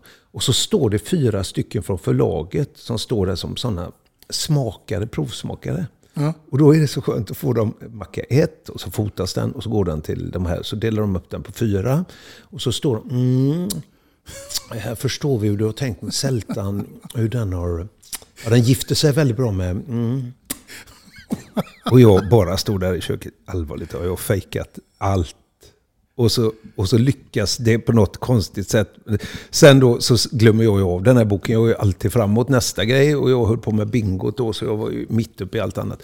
Så får jag den här boken hem. Jag har ju inte ens bestämt vad den ska heta. Och så öppnar den, den här anskrämliga bilden som är på första sidan. Och så står det 80 väldigt goda mackor heter boken. Och jag tänkte, nu då, alltså detta är det sista jag gör i livet. Va? Jag, jag hänger mig. Alltså den är så ful den boken och den är så... Titeln är så...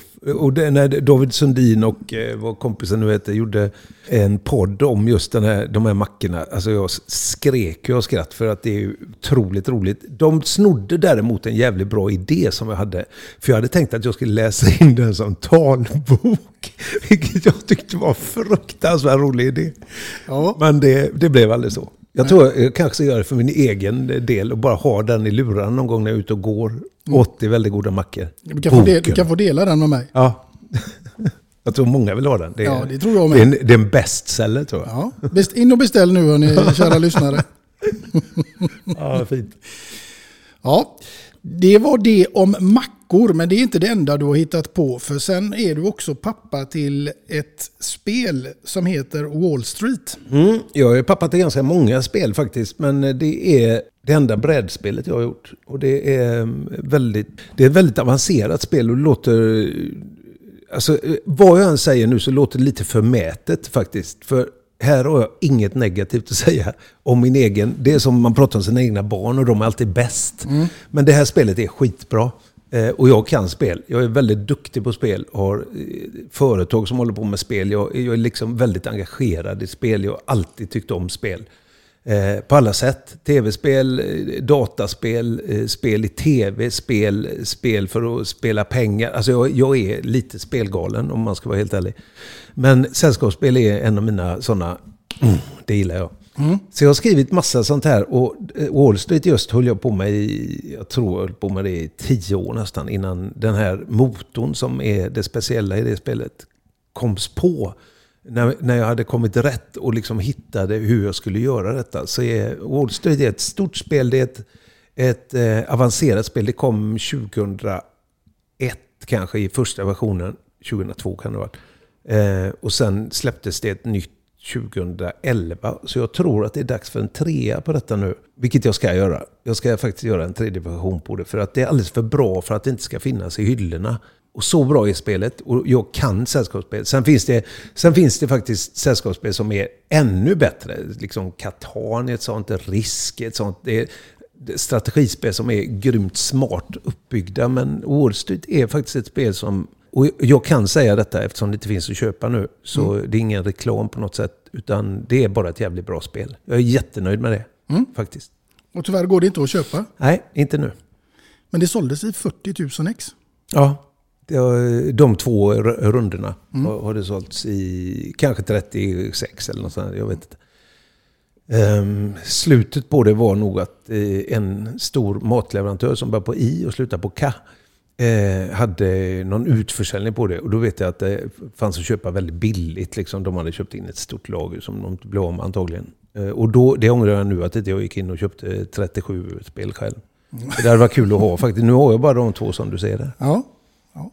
ja men jag ska beställa ett sen när de kommer i version 3. Mm. Ja, det ska du göra. Jag tror jag ska förändra reglerna lite. Jag får uppdatera det lite. Det händer ju mycket i vår lilla värld. Ja, det gör ju Så det. Att jag får eh, jag sätta mig med det. Det får jag göra någon dag, men det får jag efter Dobby. Mm. Och med det sagt så tänker jag att jag ska fråga dig, vad händer i Lasse Kroners värld framöver? Jag förstår att det finns en del saker som du inte kan prata om, men finns det någonting som du har på din agenda som är lite mer öppet? Jag gjorde, förra, förra tisdagen gjorde jag ett gig eh, i Annedalskyrkan. Där jag hade skrivit en ny föreställning, en ny tanke som jag hade. Och som jag uppträdde med för första gången. Det var knökat, det var 650 pers i kyrkan. Det var jätte... Det, triggade mig lite. Eh, det sceniska triggade mig lite. Och jag har ett par sådana idéer vad man skulle kunna göra framåt. Så ett par sånt, det är lite grann sitter jag och jobbar med. Sen har jag ett par stora projekt som jag... Och, och det, vissa av dem är jättestora och vissa är mindre stora. Men det, det, sånt sitter jag och jobbar med. Ofta är man ju i mitt, i mitt liv är man ju ofta ett år framåt. Liksom, Eh, det är ju därför jag är så framåt och väldigt sällan tittar bakåt. För att allt det man gör. Jag sitter och jobbar med julshow nu liksom. Alltså det, så fungerar ju vårt liv. Eh, så sånt sitter jag och gör. Men sen blir det ju framförallt Dobby nu då. Eh, så vi bandar i april, mars-april. Och när det är klart så tänkte jag åka iväg en sväng utomlands. För jag har varit så lite utomlands och jag är lite beroende av det för, eh, för kreativiteten faktiskt. Och eh, när jag åker så kommer jag alltid med, då har jag alltid med mig något hem. Och de sakerna jag ska skriva framåt behöver jag lite mer inspiration till känner jag nu. Nu har jag suttit tillräckligt i soffan för att eh, nu, nu kommer det inte ut något mer. Och då är ofta ett miljöombyte jäkligt bra i kreativitetens värld. Liksom. Så då tog jag en liten sväng tror jag.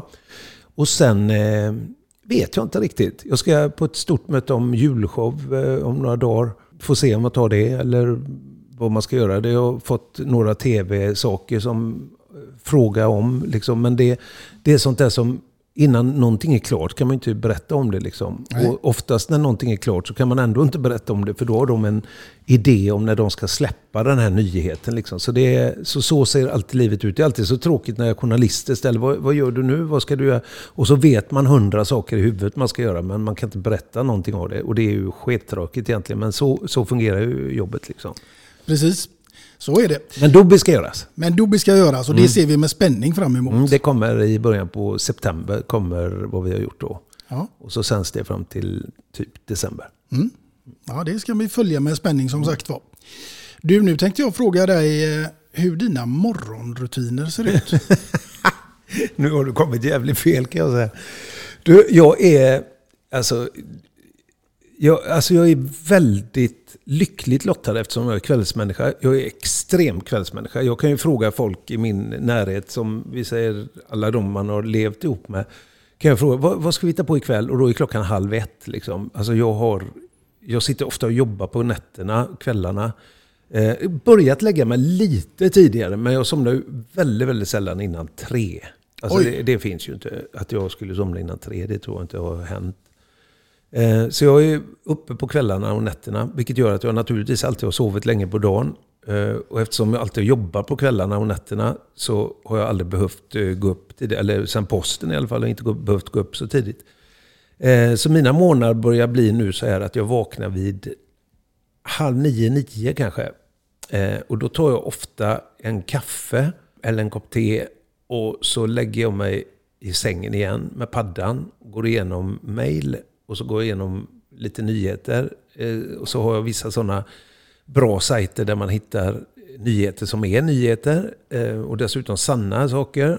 Och så går jag igenom dem och så eh, sen åker jag iväg och tränar eller ut i Delsjön och springer eller tar ett spinningpass eller vad jag nu gör. Liksom. Spring, sa jag springer? Ja. Ja, det var inte meningen. Jag går.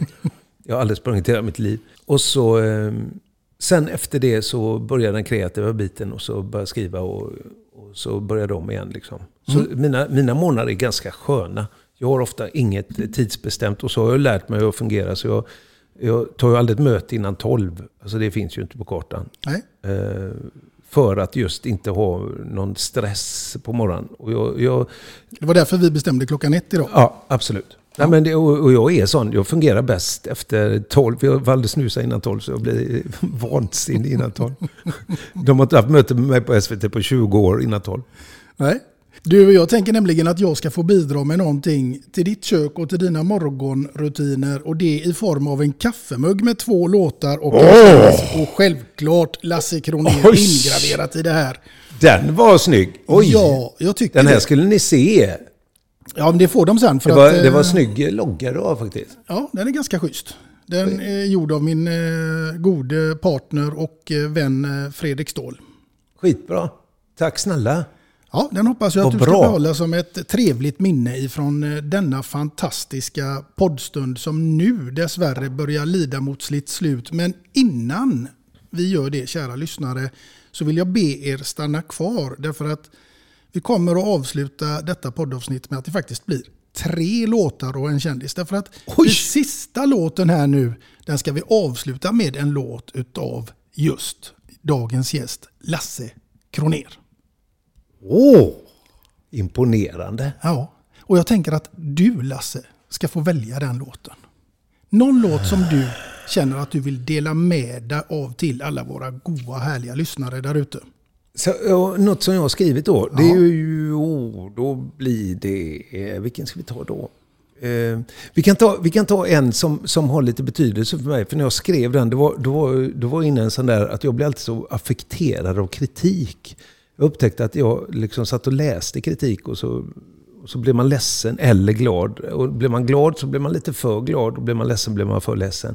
Så jag skrev av mig det och så, den handlar om en journalist som skrev en hemsk recension till en kvinnlig kollega. Jag behöver inte säga något namn men, men den recensionen var fruktansvärt hemskt. Och då skrev jag den här låten för, för att bli av med det på något sätt. Så som musik funkar, eller texter framförallt funkar för mig, att man skriver bort det. Liksom. Man skriver bort det ledsna eller man skriver bort det obehagliga. Eller vad- hur man nu, det är någon terapigrej. Och då skrev jag en låt som heter Kejsarens nya kläder som eh, jag skrev till den här journalisten. Många journalister när den plattan kom så frågade de om, är det, vem är den till? Vem är det till? Och jag berättade aldrig vem den var till, men eh, den är till en journalist i alla fall som jag tyckte betedde sig för jäkligt mot en kollega. Och det var inte jag som råkade ut för det faktiskt. Men eh, jag vet inte riktigt varför jag valde den. Men det, ja, nu har jag valt den i alla fall. Så detta är min eh, Kejsarens nya kläder heter den.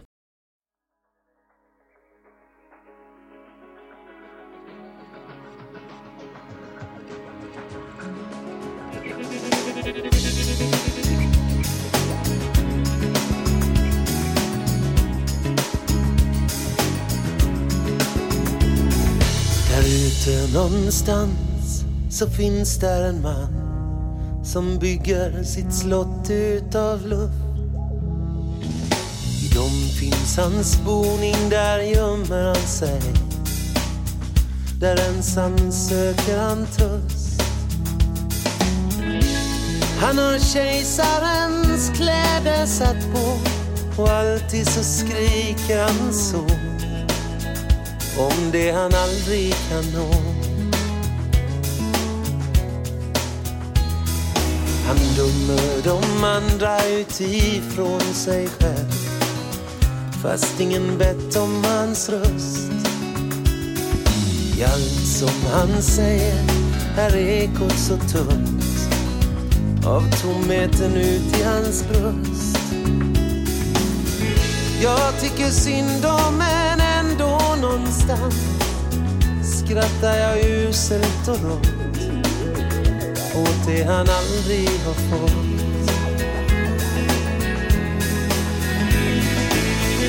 Kan du få tårarna att rinna?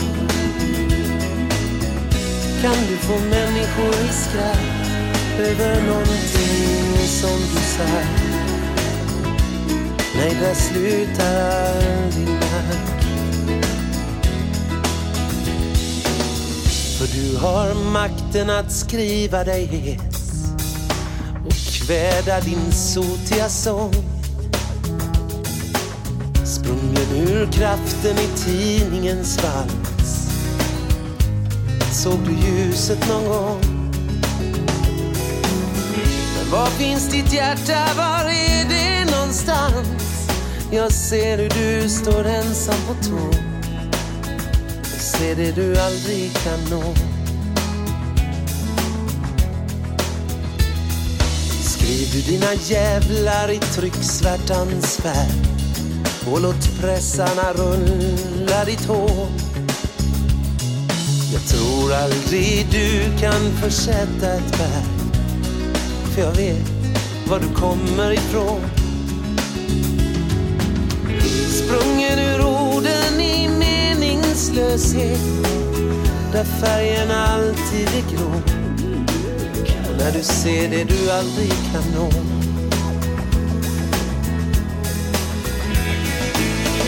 Kan du om du vill se dig i spegeln Undra om vad den dig ska stå och vad säger den dig då?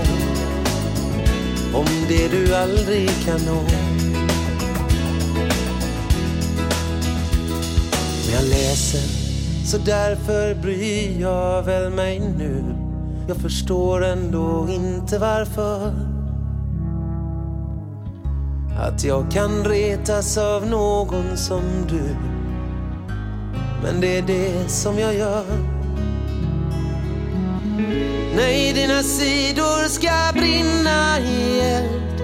Min brasa ska tidningen få. Aldrig mera skall du mig nå.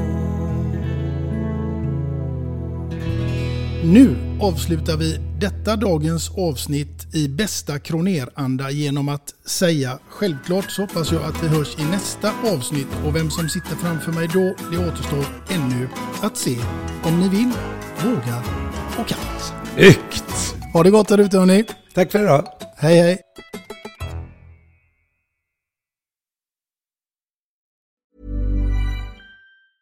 Mom deserves the best, and there's no better place to shop for Mother's Day than Whole Foods Market. They're your destination for unbeatable savings, from premium gifts to show-stopping flowers and irresistible desserts. Start by saving 33% with Prime on all body care and candles. Then get a 15-stem bunch of tulips for just $9.99 each with Prime. Round out Mom's menu with festive rosé, irresistible berry chantilly cake, and more special treats. Come celebrate Mother's Day at Whole Foods Market. Hi, I'm Daniel, founder of Pretty Litter. Did you know cats tend to hide symptoms of sickness and pain? I learned this the hard way after losing my cat, Gingy. So I created Pretty Litter, a health monitoring litter that helps detect early signs of illness by changing colors, saving you money and potentially your cat's life. Pretty Litter is veterinarian developed, and it's the easiest way to keep tabs on your fur baby's health right at home. Go to prettylitter.com and use code ACAST for 20% off your first order and a free cat toy. Terms and conditions apply. See site for details. Even when we're on a budget, we still deserve nice things. Quince is a place to scoop up stunning high-end goods for 50 to 80% less than similar brands. They have buttery soft cashmere sweaters starting at $50, luxurious Italian leather bags, and so much more. Plus, Quince only works with factories that use safe, ethical, and responsible manufacturing. Get the high-end goods you'll love without the high price tag with Quince. Go to quince.com/style for free shipping and 365-day returns.